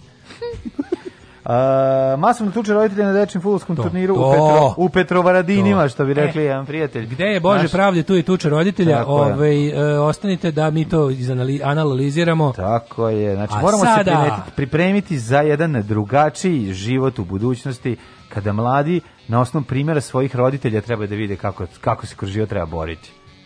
U manifestu komunističke partije Karl Marx i Friedrich Engels su iznali osnovne principe naučnog socijalizma koji će postati ideologija radničke klase u borbi za socijalizam. Alarm sa mlađom i Daškom.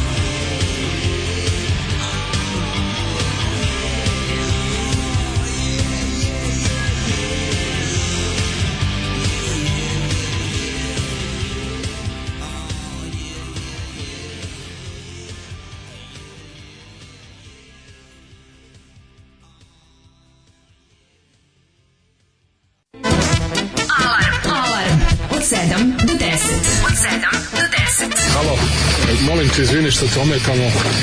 Dakle, samo jedna molba, ako nam zatreba 9 miliona evra za Golubac Milanovac, možemo li da nađemo ili ne?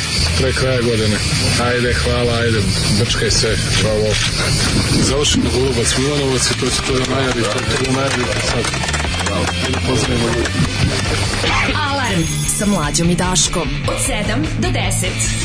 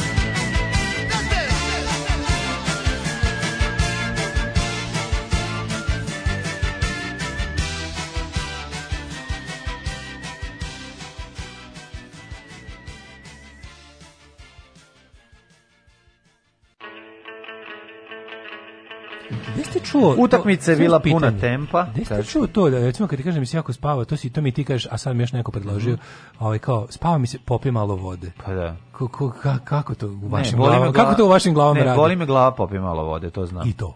Pa to je zato što ako nemaš tečnost i zna da glava počne da boli od manjka ove tečnosti dehidratacije pa da, I da, u da. jebote vidim ja daj baci neku loptu igram fudbal. Pa to ti kažem. Sad sam popio dva gutlja. Ju pa, stvarno radi je. Ma šta fudbal, idemo stučemo na pa, to na tribine. Mislio, to se misli. Pune tribine. A pošto ne znam da igram fudbal, daj da te zapalim u glavu. Pune tribine, ludih roditelja, i pale se faklje, ceo sever gori, jedite govna jer mi smo šampinjoni, jedite govna jer mi smo šampinjoni. Lika šampinjona, da vidimo šta kaže, šta se zapravo dogodilo na putu. Ulazimo deep dan, McIntyre istražuje. Šta se desilo to? World in, da. kako se zove, kako se zove onaj program, eh. gde su navijače u engleskoj, panorama. Omasovljena tuča roditelja na dečjem futbolskom turniru u Petrovaradinu.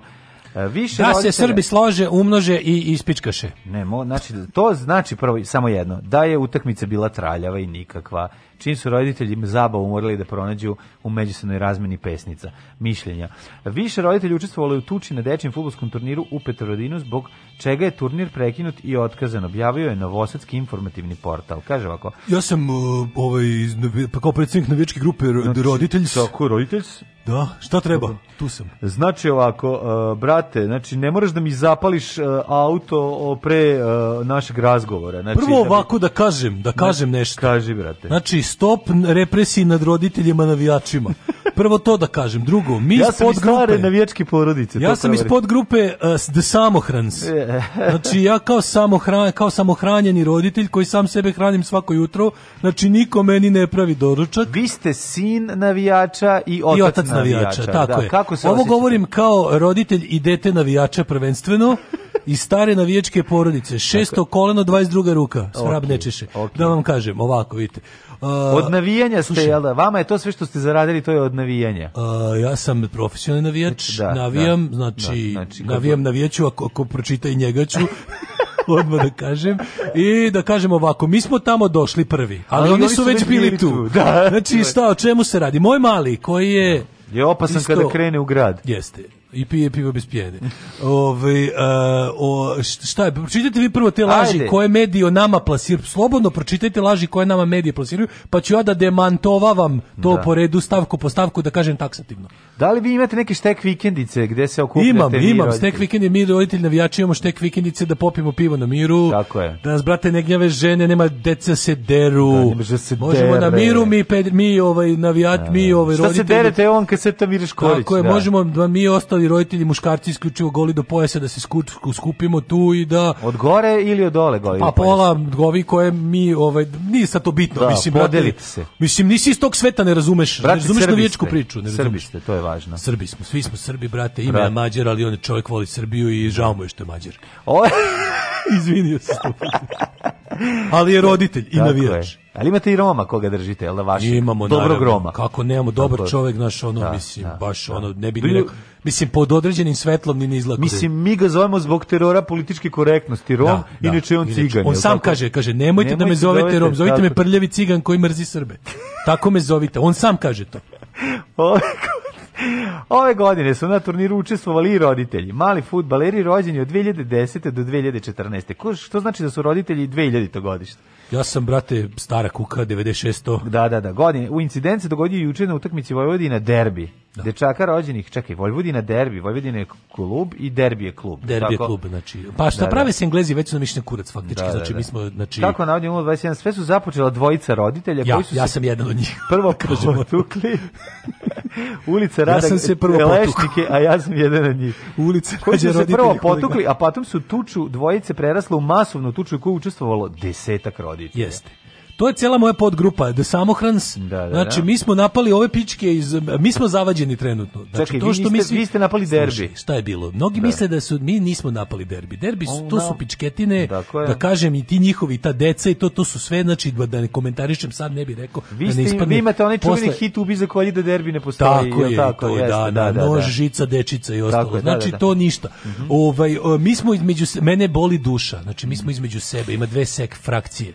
Znači, šta se dešava? Znači, jedni mi, diluju bombone, a drugi su hteli da unesu šta? Ima dve Prisile. frakcije. Mi smo, znači, mi smo, mi smo svi se okupljamo u rođendonici Željko Veseljko, a ove pičke druge koje su, znači, agencija, O, to su mi ih zovemo agenti. Zato su radi za državu. Oni ne, mi znači, radimo za državu. Ali vi za državu, da. se, da, da. Oni, znači, ovaj, mm -hmm. kako se zove, da ne, o, to je druga ekipa, oni ne znaju.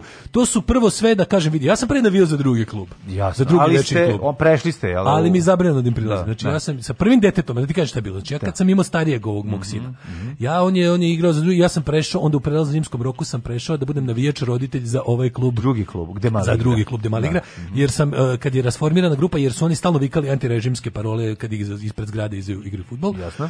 I ja i ovi neki roditelji koji shvatamo da ova da Srbija ide u pravom pravcu i da je to tako treba i mi smo razumeš Kaži smo kupili. Ovaj deo mi je zanimljiv. Da. Ako možete, roditelji su se tukli van terena pa su neki završili i na pruzi. Da. Znači, uleteli ste u cubok, takozvana da. cubok situacija. Šta je bilo? Znači, klasična kuća pored pruge. Kuća, kuća pored pruge. Da, da, da. E, mi imamo, inače, to je fora kod nas u navijačkom svetu, u roditeljskom, u svetu surovog roditeljskog navijanja, mi kažemo, mali hoćeš na prugu. To je kad neko, znaš... Aha, kad pozivate neko... neko malo da. je, kad trebaš da smiriš da. neko, kažeš, jasne, mali, jasne. ne, moj ne ideš na prugu.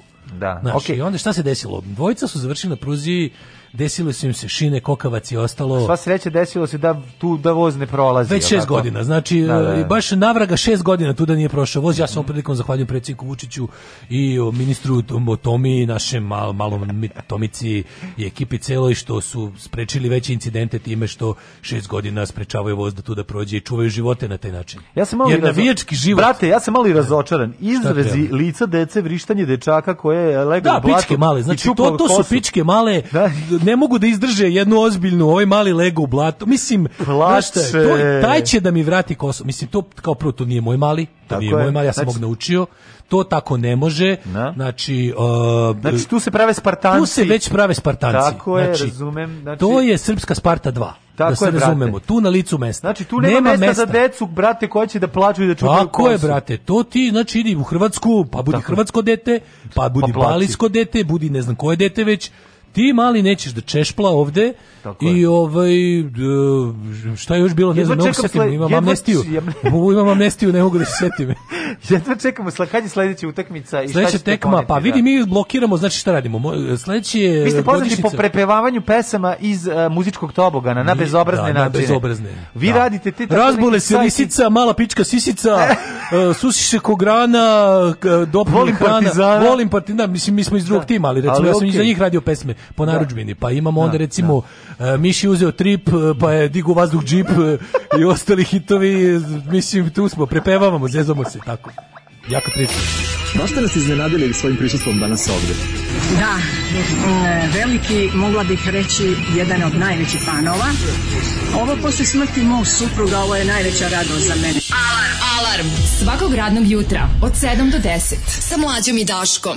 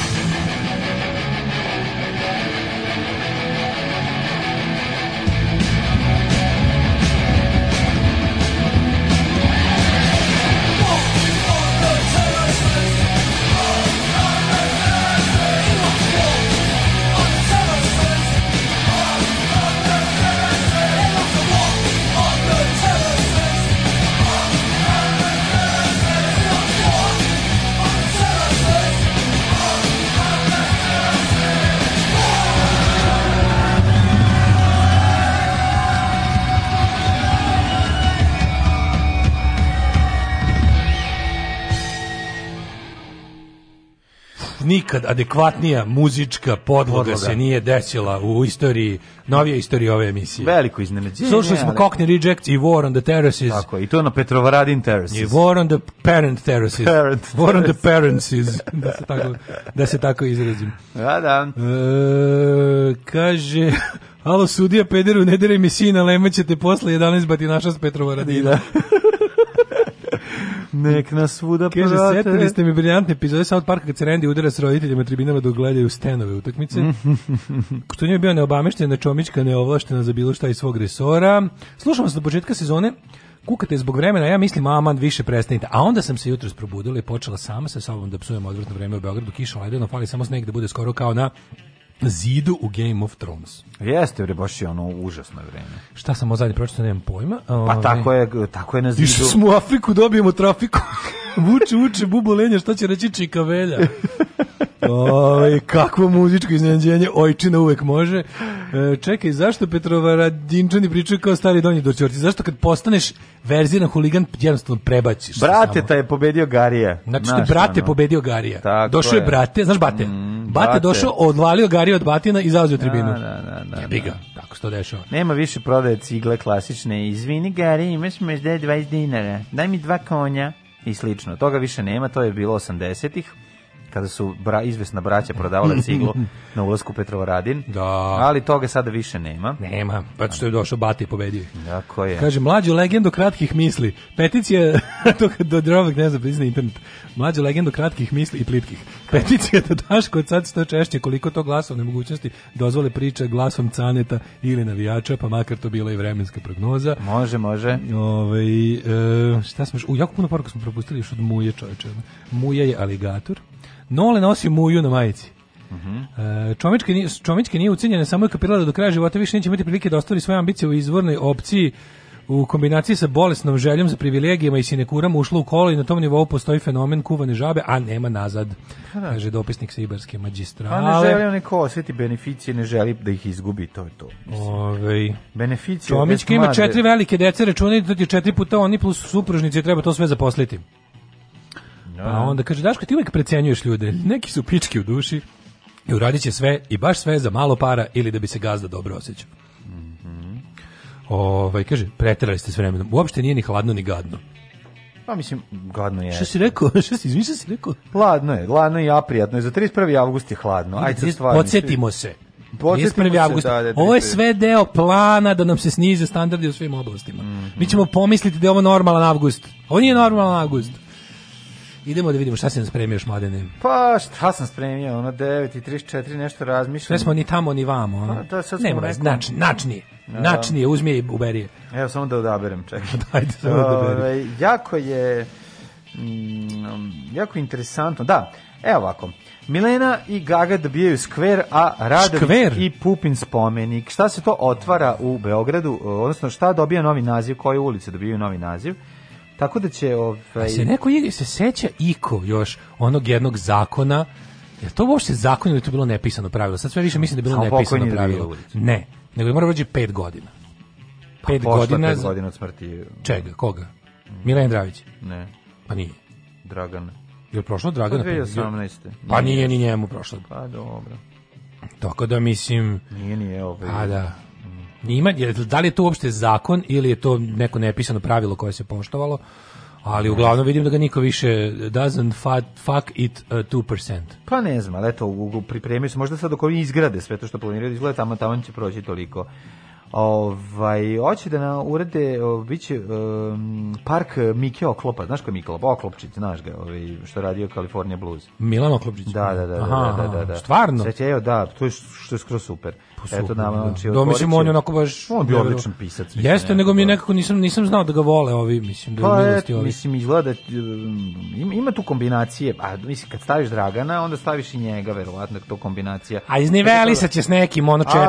Ali ja, on, ne, iznivelisaće sa žrtvom, biće ulica. E, to, e, žrtva ti to Ljubana, ne, ne, biće ne. Ljubana jed, e, e, jednaka. To je ovaj jedini čovjek koji je preživeo zločine 41. u... Mm, um, čovjek što su, Ustaša. što su mu prerezali grlo preživao, taj čovjek. Mislim da su, ne, on je, prera, on je to preživeo 41. kao klinec. Uh, i onda će, ga, će njemu ulicu Moraš da dati... da pričaš u mikrofon. Evo ovako. Zato se da. bolje čuju ljudi onda. Kaže ovako. Pa mislim, pokušam da se obavestim, pa zato je malo veliki problem. Ovako, e, e, Ljuban jednak je jedini koji je preživio, preživali svedog zločina koje su ustaše e, prav, prav, počinile 29. 30. jula i 4. 5. augusta 41. pravoslavnoj crkvi u Glini. U Glini. Da, u tadašnjoj nezavisnoj državi Hrvatskoj. On, on je preživio, da, da, da, da. zapalili crkvu, bacili sve unutra jezivo ona scena. E oni će To je prvi veliki pokolj. Da, i on je ovaj bio na sudu, na, na suđenju on je bio, da da, da, da, da, da, da, E ovaj snimljeni dokumentarni film o njemu govorilo se da će ostati živ. Dosta je interesantno da se recimo kad se priča o tome se zaboravi, mm. ovaj naravno da on preživao ustaški zločin, ali pošto je to postoji jedan veliki ovaj nekoliko sudskih procesa i bilo je tendencija da se neki sudski procesi spajaju. Mhm. Sad, ljudi često zaboravljaju kada, kada naša štampa voli da priča o Alojziju kog mi tek upoznajemo. Mm -hmm. Ovaj zaboravio da je tu bio združeni proces recimo sa Dražom Mihajlovićem. Da, da, da, I da. onda to bude jako interesantno da se prećuti, a mislim što se isto prećuti u Hrvatskoj kad ne, se priča. Ovaj je, je, kad se priča ovaj o Alojziju Dakle biće spomenik Mihajlu Pupinu, samo ti kažem, ja bih voleo da vodite računa da ne Kaže bude se Vladimiru Putinu. Da ne bude isti kao ovaj u Novom Sadu, ovaj Kaže se Vladimiru kao da od sopuna napravljen, malo napravite bolje. Ovaj Pupin u Novom Sadu. Pa ima. Gdje? Ne znam tačno gde je, ali ima onako savi kockas nešto. Mislim da, mislim da je bukvalno u samom centru, tamo kod Modene negdje. To je Laza prije. Ima negde Pupin svemu setting. Ali nije Pupin, da... nije Pupin tamo kod puta gradske skupštine. Ne. Tamo kod Isidore Ginoza. Može biti tu. Ne, tu je Kako ovaj tu? Vasas... Uh, e, Vladački. Vasa Govnački. Ko je ne, tu? Ne, tu je ovaj... Mm, Dođeš Novosadski. Mm, čekaj, čekaj, čekaj. Kombinacija čekaj, dva. Ko je tu? Ko je tu? Tu je bre... Uh, tu Vasa Stajić? Ne, ne. Laza Kostić, nema Vasa Stajić, pa Vasa Stajić je ne u nemilosti, jebote on je bio Vojvodinaš, ono. Čekaj, Neće Vasi Stajiću na prnjaci podići spomenik. Čekaj, bre, ima spomenik kod crkve. u vazduh, ono. Kod, ovaj, kod uh, Isidorine gimnazije ima neki pa, tu, je, tu moguće da je Pupin. Moguće. A ja ne znam, ja sam malo... Upin je bre negde, ili da nije tu kod stadiona? Ko je kod to stadiona? To je Hođag, ha, Kosta Hadži, osnivač Vojvodine. Ima još neko tu. To je snimač Vojvodine, FK Vojvodine. Mislim. Kosta Hadži je tu, je da, tako? Kosta Hadži, da. A znam da ima neki Pupin kockasti, što liči na onog, liči na onog Tuđmana jednog. Pupin je kod taksi stanice. E, kod taksi stanice, pa ja ti kažem da je tu. U e. centru, znači kod Modene, pa tu sam ti rekao, tu je put. Ispod taksi stajališ u centru, zar tu nije bre Laza Kostić jebote? To si mislio da je Laza Kostić? Stvarno? Taj kockasti, što je stvarno kockasti. Kaže, Pupin je u centru kod Modene, daj da Pa da, ne, pa ja ti kažem da tu vas bunjuješ. Stvarno? Pa sad ti ga meniš. Ček, ček, ček, Pa izla kockast. Spomenik Pupin, da baš mi zasad, ja sam poludeo jebote. Mm -hmm. Spomenik Pupin, a ne, čekaj, a ima još jedan u Modene kod Kafića, tako? Kod kafić? Ili ima tamo neki? Ili ima Laza Kostić spomenik u Novom Sadu? Pa ima Laza Kostić. Ja, mislim da ima. Nema, ali ovo je Pupin. Spomenik Pupin Novi Sad. Pa ovo je Pupin, bre, 100% kockasti. Onako izgleda da su god metalnog sapuna napravili. Spomenik Mihajlu Pupinu nalazi se u... O, to je Pupin ladno, ja smijem smijem pa to Laza Kostić. Pa ti si da Laza Kostić, pa eto pa ja. Laza Kostić. E, selja, O, selja. majko, pa stvarno, izvini, ovo izlako Laza Kostić. da, izlaz, ne izlako Laza Kostić. Aj, molim te pogledaj čovjeka. Laza Kostić koliko su izjedela pčele. Pa, mislim, ono. A, mislim, nemoj me. Stva, ja sam bio ubeđen da je ovo Laza Kostić, ja znam da mi to niko, niko nije rekao. Tako da, ali... da, eto, spomenik Pupinu će biti u Beogradu i to ispred zgrade Tehničkog fakulteta u Beogradu. Aha, pa dobro, to je u redu. To ima smisla. I, uh, e, da, ću ti kažem, gde će biti skver Milene Dravić i Dragana Nikolića. Ne, kaži mi. Biće ovako, na uglu um, Mileševske i cara Nikolaja na Vračaru i Kablaru. Mileševska to je za normalne ljude Save Kovačevića, a da. cara Nikolaja je, pretpostavljam, ne znam, neki kolega žrtava fašizma. Nikolaja Čaušeskova. A, ove, ovaj, sad ću ti dale prebaciti u tuđe trse, pošto je 9.40. Pa da, Molim te, reci mi, ovo ne liči, ovo liči više na Lazu Kostića, majke. Pa dobro ti idi pa prelepi ne, da bude. ne, ne kažem ja. Kada mislim, budeš pičio zvezde, idi napiši Laza Kostić da bi bio ali pravo. Ali ljudi, ovo je stvarno, ne da bi ja bio pravo, nego kako su ga to napravili, jebote. Pa tako rekao sam ti kako su ga napravili, su ga, kada rekao sam, volao bi da, da naprave ću, jednog ću, da ne izgleda tako. Da, sad ću paralelno da ti otvorim sliku Mihajlo Pupina da vidiš. Da nije izgledao tako. Da, Znam ajde. ja kako izgleda Mihajlo pa, da. Pupin. Da. I dvorski, ajde, dobro, ja sam bio u njegovoj robnoj kući u Idvoru. Da, da, da, da. da. Ajde.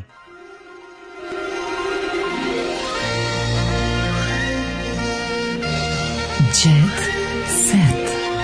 Jet set. Jet set. Set. Set. set. Ovo je stvarno, ovaj čovjek ikad vidio Pupina što mu pravi spomenik.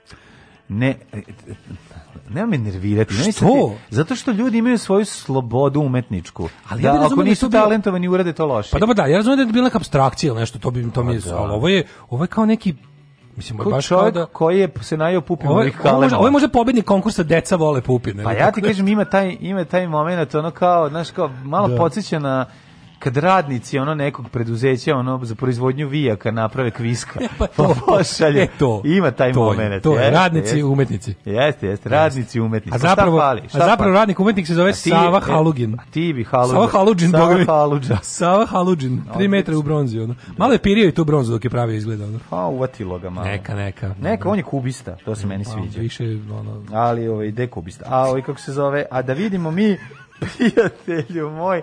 Ove, šta ima u djecetu?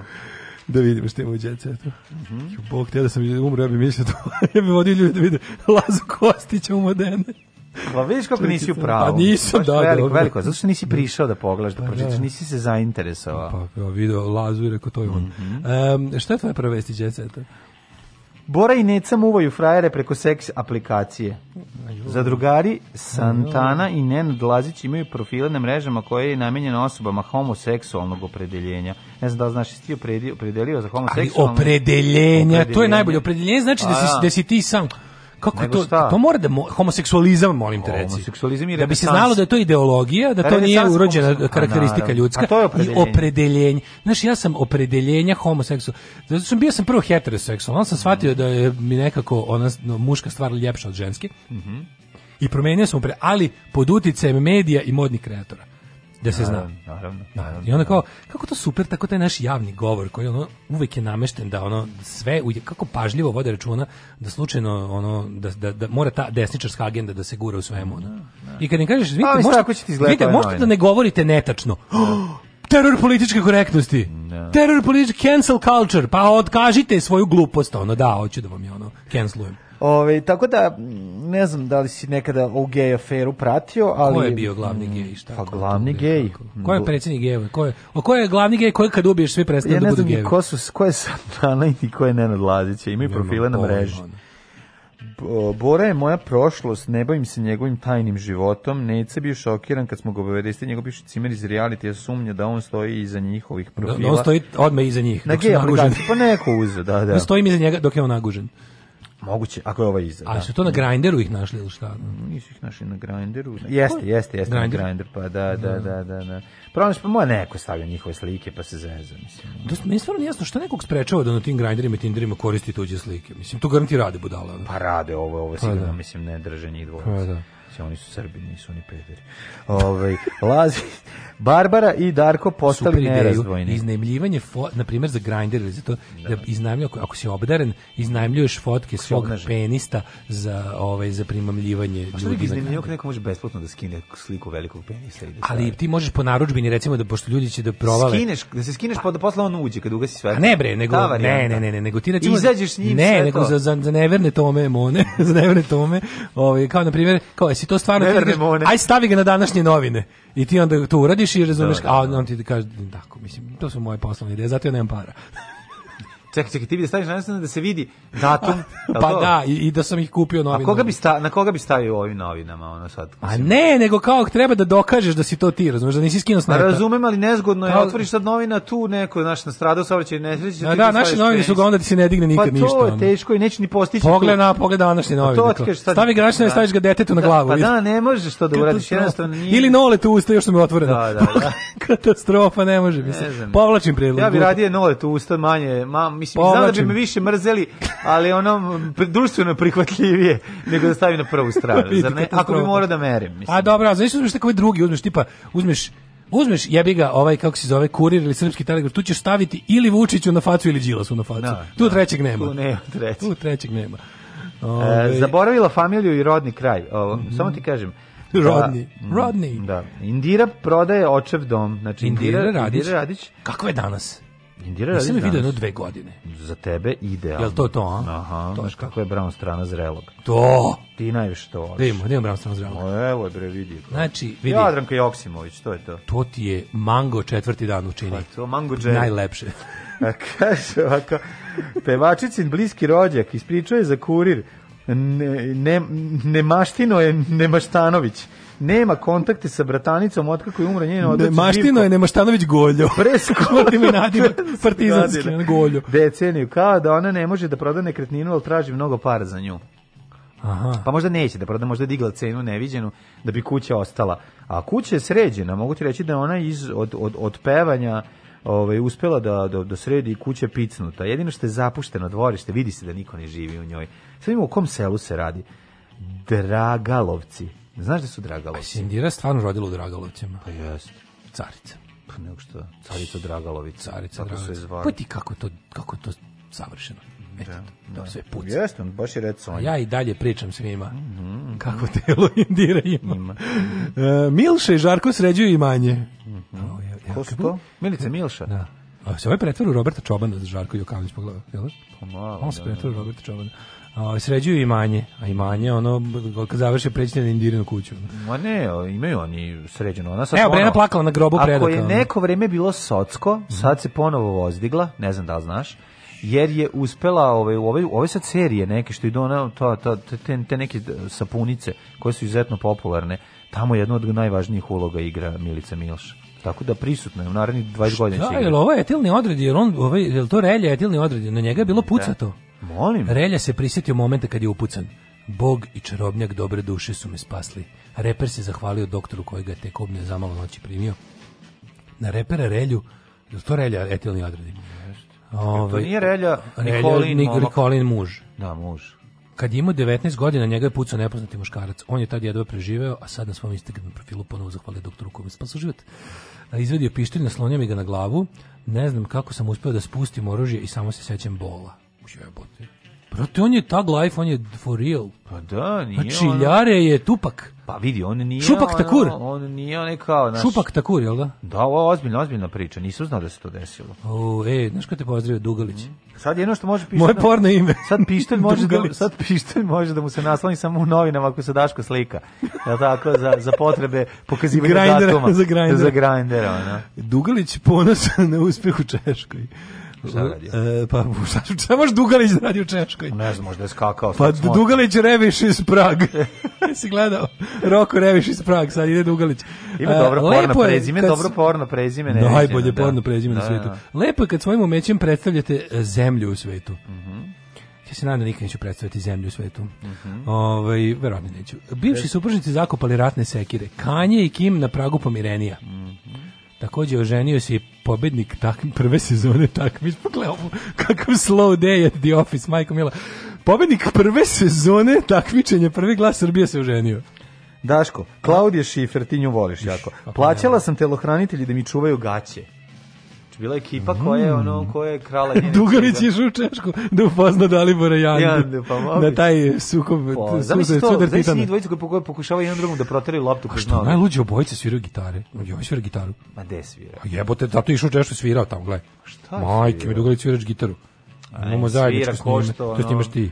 Ima zajedničko, ti imaš s njim zapravo zajedničko, a ja imam želju da znam da sviram gitaru zajedničko s njim. Vidiš? Vidiš? tom on A svirao gitaru, evo sad ti kažem. Da, no, aj pročitaj malo više o tome. A... Ehm. To je neki duo pegla. Bre, šta je to? A pa to garant nešto sa sinom svojim nešto svira. Pa dobro, onda okay. Mislim, ali svira, ali svira čovjek. Mm Isto kao i da, mislim, isti je kod Dalibor Janda. pa je li sin isto? Kako se zove grupa? E, Dalibor Janda. Grupa se zove... Pesme Hurikan, a oni su... Ne bre, on naslov njegova... Njegov band Dalibor Janda se zove... i grupa, grupa, Dalibor Janda i skupina... Tri, skupino... Tri, pa piše ovde, pogledaj. Prototip. Prototip. Ja ste rekao stiropor. Pa sam da prototip, da, da, Prototip. Dalibor Van Jandit, prototipi.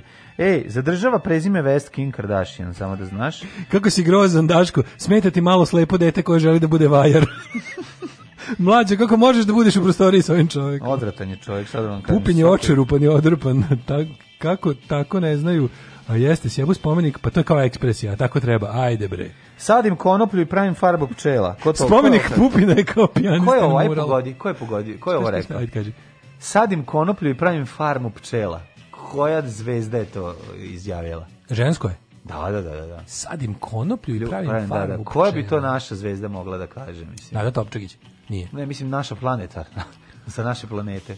Aha, svetska neka. Svetska, svetska, da, da, da. Pa Vile Nelson. Nije bilo. Beyoncé. Beyoncé? Nikad ne bi rekao da Beyoncé. No, ne bi rekao. Sad, mislim, znaš. Mm. Tako da, znaš, pop zvezda Beyoncé otkrila je da u poslednje vreme koristi kanabis i u medicinske svrhe. Dobro, znači, Oni ne moraju bre više to da pričaju. Kalifornija pa da. legalize, kol, pola Amerike legalize. Znam da mogu. Je, ne moraju više lažu da je u da, medicinski. Da, da, da, da, Tako da, da. ovo, ovaj, to je jedna dobra stvar za, za početak.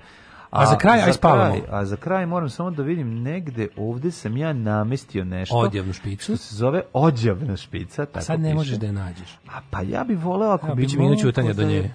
Ćao. Tekst čitali Mladin Urdarević i Daško Milinović. Ton majstor Richard Merc. Realizacija Slavko Tatić urednik programa za mlade Donka Špiček. Alarms svakog radnog jutra od 7 do 10.